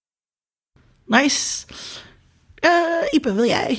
Ja, nou, het Amsterdam Filmfestival, maar dat is al 25, 26, 27 oktober. Ik weet niet wanneer wij online gaan. Ik eh, hoop eh, eh, 25 oktober, maar dan hebben mensen het waarschijnlijk ook nog niet eh, geluisterd. Mhm. Dus eh, Alles gaat dat vol- heb je dan gemist. Jaar, maar ja, het Amsterdam Filmfestival. Ja, onder andere eh Suspiria, de remake van... eh van, die, van die regisseur van, regisseur eh, van eh, Call Me By Your Call Me Name. By Your Name. Ehm, en de eerste film van Dick Maas nog eens te zien op... ehm daar is hij weer. En een themaprogramma rond Brian De Palma. En volgens mij een heel gezellig eh, filmprogramma, eh, festival in Criterion. Ehm, dus dat. En ik vraag me natuurlijk elke maand weer op die schokkend nieuws die dan op de deurmat klopt. Oh, Neem een goed dat je abonnement. dat Ja. ja. vrouw maakt. Ehm, ik kijk eigenlijk voornamelijk uit naar de aankomende tijd gewoon heel veel Harry Potter te gaan kijken en lezen. Want daar gaat onze volgende uitzending over. Eh, dus dat is echt wat ik voornamelijk ga doen. En daar verheug ik me eigenlijk wel op, want dat is al een paar jaar terug dat ik die films allemaal gekeken heb. En sowieso echt sinds ik 13 of 14 was dat ik al die boeken gelezen heb. Eh, dus daar heb ik eh, heel veel zin in. De witte heteronormatieve wereld van Harry Potter. Heel erg. Ja, ja is wel zo. titel van de aflevering? Ja, dat, wie weet. Kan er zomaar uitkomen. Dat wordt, dat wordt het wel eh, misschien. Hou jij van Harry Potter, Ipe? Nee. Nee, ik ook niet. Dus wij, wij zijn er alle twee eh, niet, eh, zijn ik er heb, alle ja, twee niet ik moet eerst zeggen dat ik al die films heb gezien met een soort enig plezier. Zo op dezelfde manier als ik ehm eh, Downton Abbey, zeg maar, kijk. Ja, maar die, en die, maar die films, die films zijn ook wel een stuk beter dan de boeken. Maar goed, ik zal, ik zal dat, eh, ik zal dat achterwege laten. Je, je hoort het al even. Volgende week gaat het dus, eh, volgende keer gaat het dus over Harry Potter. Ehm, ik kijk uit naar eh, een nieuw seizoen Crazy Ex-Girlfriend. eh, wat van start is gegaan op Netflix. Ehm, er zijn nu twee afleveringen al. Ik denk dat ik het op ga sparen om te bingen. Oh, we hebben het over één ding helemaal niet gehad. En dat is? Waar we het wel over moesten hebben eigenlijk. Ik heb er nog helemaal aantekening van gemaakt. Over gekte en waanzin. Oh, ja. En zijn die mensen niet Oh, gewoon, ja. hebben ze niet gewoon een geestesstoornis in plaats van dat ze zien ze die dingen Hmm. of, of zijn ze echt? Misschien kunnen we dat er eh in, Nog eh, inknippen? nou, misschien kunnen we nog daar nu nog even een korte rondje over doen. Nou, dat kan ook. Dit is namelijk een mooi bruggetje. Ja, Nou, even aan het einde. Zo spontaan gaat het soms. Onder mediadoctoren wil ik, bij onder mediadoctoren wil ik ook nooit als het, dat het eindigt. Als Vincent dan de afsluiting doet, dan blijven we er altijd doorheen Gewoon kleppen. doorpraten. Is wel Oh, zo. Ja, maar is het, is het dat, Ik want vind dat, dat zit eng, ook ja. heel Ja. erg bij ehm, eh The Haunting of Hill, Hill House. House. Eh, is dat wel echt een vraag die opgeworpen wordt, die ook wel door een van de hoofdpersonen opgeworpen wordt? Is het niet gewoon mental illness? Eh, Dat we een onbetrouwbare verteller hebben. Of- ja, ja. en dat die denkt dat hij dus dingen ziet die er eigenlijk niet zijn. Ah. Want mensen, dat kan helemaal niet. Nee. Ja, ik vind dat zelf. eh, een- dat is eigenlijk wat ik met die twists ook een beetje bedoel. Eh, ik vind dat vaak de, de aller, aller, allerleukste. Als het, als het een beetje in het. kijk, meestal bijna geen, geen enkel, bijna geen enkele film kan het helemaal tot het einde volhouden. Want bijna altijd zit er wel iets in waardoor je toch gedwongen wordt om de een of de andere kant op te gaan. Maar ik vind het wel vaak het leukste als het in het midden blijft. Als je echt kunt denken van ja, is, dit nou, is er nou echt iets aan de hand? Of is deze persoon gewoon echt totaal me schokken? Maar ik vind sowieso gekte wel eng. Ja, ik, weet je wat ik een enge film vind? Is... ehm, waarschijnlijk is hij ook heel slecht als je hem terugkijkt. Maar Identity, heb je die gezien met John Cusack? zeker, zeker. Ehm, Ja, daar kan je ook niet zoveel over zeggen in dit verband... zonder hem ook heel erg te spoileren. Mhm. Maar ik vind geestesziekte in ieder geval wel heel griezelig in... eh, Ik vind het sowieso geestesziektes heel erg eng. ja, de Shining, is- in de ja. Shining is het natuurlijk ook wel aan de hand. Ehm, Ja, zeker. en ehm, Ja, dus los ook van of... eh, want je zou kunnen zeggen, hè, eh, ehm, eh, is eh, het slachtoffer... die denkt dus dat ze geesten ziet... is zij geestesziek? Geestesziek? Eh, of je kan zeggen, inderdaad, mensen die geestesziek zijn... die zijn eng, want die gaan dus zomaar aan het moorden ja. staan. Nee, ik vind vooral eng in een film als iemand, zeg maar, de, de protagonist zijn verstand aan het verliezen is. En je dan, dan een soort een beetje op jou overgebracht wordt. En dat Ja. je denkt, hebben we het nog helemaal niet over gehad, maar je hebt ook in horror games heb je eh, in 2005 of zo komt die game Eternal Darkness en daar zit ook een heel systeem in dat het karakter waarmee je speelt langzamer zeker zijn sanity kan verliezen en dan wordt de game ook steeds enger als dat gebeurt. Dus dan Ja. eh, vervormt de hele game en heb je een hele andere ervaring hoe lager die meter is. En dat is heel erg vet gedaan. Ja, dat lijkt me in, heel eh, cool. ik heb die film nooit teruggezien, maar de cel, ehm, daar zit dat ook eh, op een grappige manier in. Dat vond ik toen heel eng. ik weet niet hoe dat is Ja, als je dat nu terugziet. Ja, ik was vind- dat ook weer, de zaal? Ja, dan gaan, gaan ze in de, een soort in de geest van een eh, seriemoordenaar. Ja, En eh, die, eh, ja, die vecht dan een soort met ze. hè, Die is een soort meerdere persoonlijkheden. En die is een beetje met zichzelf in gevecht. En af en toe presenteert hij dan een soort de redelijke variant. En af en toe komt dan de gekke weer. ja. En eh, ja, dat vond ik echt toen heel... Echt afgrondelijk eng. Maar ik weet, ik weet niet hoe, of, dat, of ik dat nu nog zou vinden. Zo lang ik vind het, ik vind het eh, ook, ook bij de Babadook eh, Oh ja. heel erg goed. Ja, ook weer, hè, het wordt niet helemaal tot het einde volgehouden, maar dat, dat hele idee van, van het eerste stuk van de film, eh, dat je je zo goed kunt voorstellen hoe het, en dat als man vind ik het knap dat ze me dat kunnen laten doen, hoe, hoe het zou zijn om alle- als een alleenstaande moeder met een ontzettend, ontzettend, ontzettend vervelend kind te moeten leven. En, eh, en andere mensen die niet begrijpen hoe ongelooflijk vervelend jouw kind is. En die dus gewoon denken dat jij zelf eh, ja, wel gestoord moet zijn, omdat je zo met je kind omgaat. Oh ja, zo geïsoleerd Ja. zijn. Dat- Oeh, we hebben het ook niet over Rosemary's Baby gehad. Wat Ja. ook Oh, heel ja. eng is. Dit had ik moeten zeggen in het kader van motivatie. Nou, dat zeg je nu. Dan zeg ik het nu. Dat ik, dus het, eigenlijk, ik vind het eh, vaak wel interessanter als er wel een eh, elaborate motivatie eh, is in, een- in een horrorfilm. En dat is natuurlijk in Rosemary's Baby aan de gang. Maar daar is het gewoon om het kwaad ter wereld te brengen. Ja, maar goed, dan is ja, dat, dat vind ik dan interessant. Antichrist. Ja, maar is wel een goede motivatie. de Omen, ja, dat is eigenlijk hetzelfde. En, maar in Hereditary is dat natuurlijk ook zo. Ja, Ja, dus ik geef, geef mij maar een lekker complot en een ingewikkeld plan.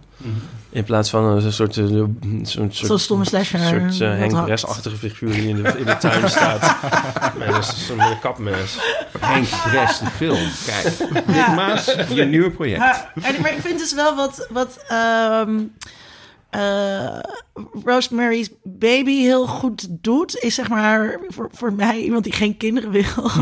dus ook gewoon de. de eh, er zit ook wel, er wordt ook wel een soort taboe in doorbroken, Ja. zeg maar. Dat, dat niet iedereen het fijn vindt om zwanger te zijn. Of dat je ook angsten kunt hebben over wat, wat voor kind je eigenlijk gaat krijgen. Zeker. En- Maar het wordt ook in Rosemary's Baby vooral, denk ik, heel erg eh, goed in beeld gebracht... omdat het zo goed geacteerd wordt.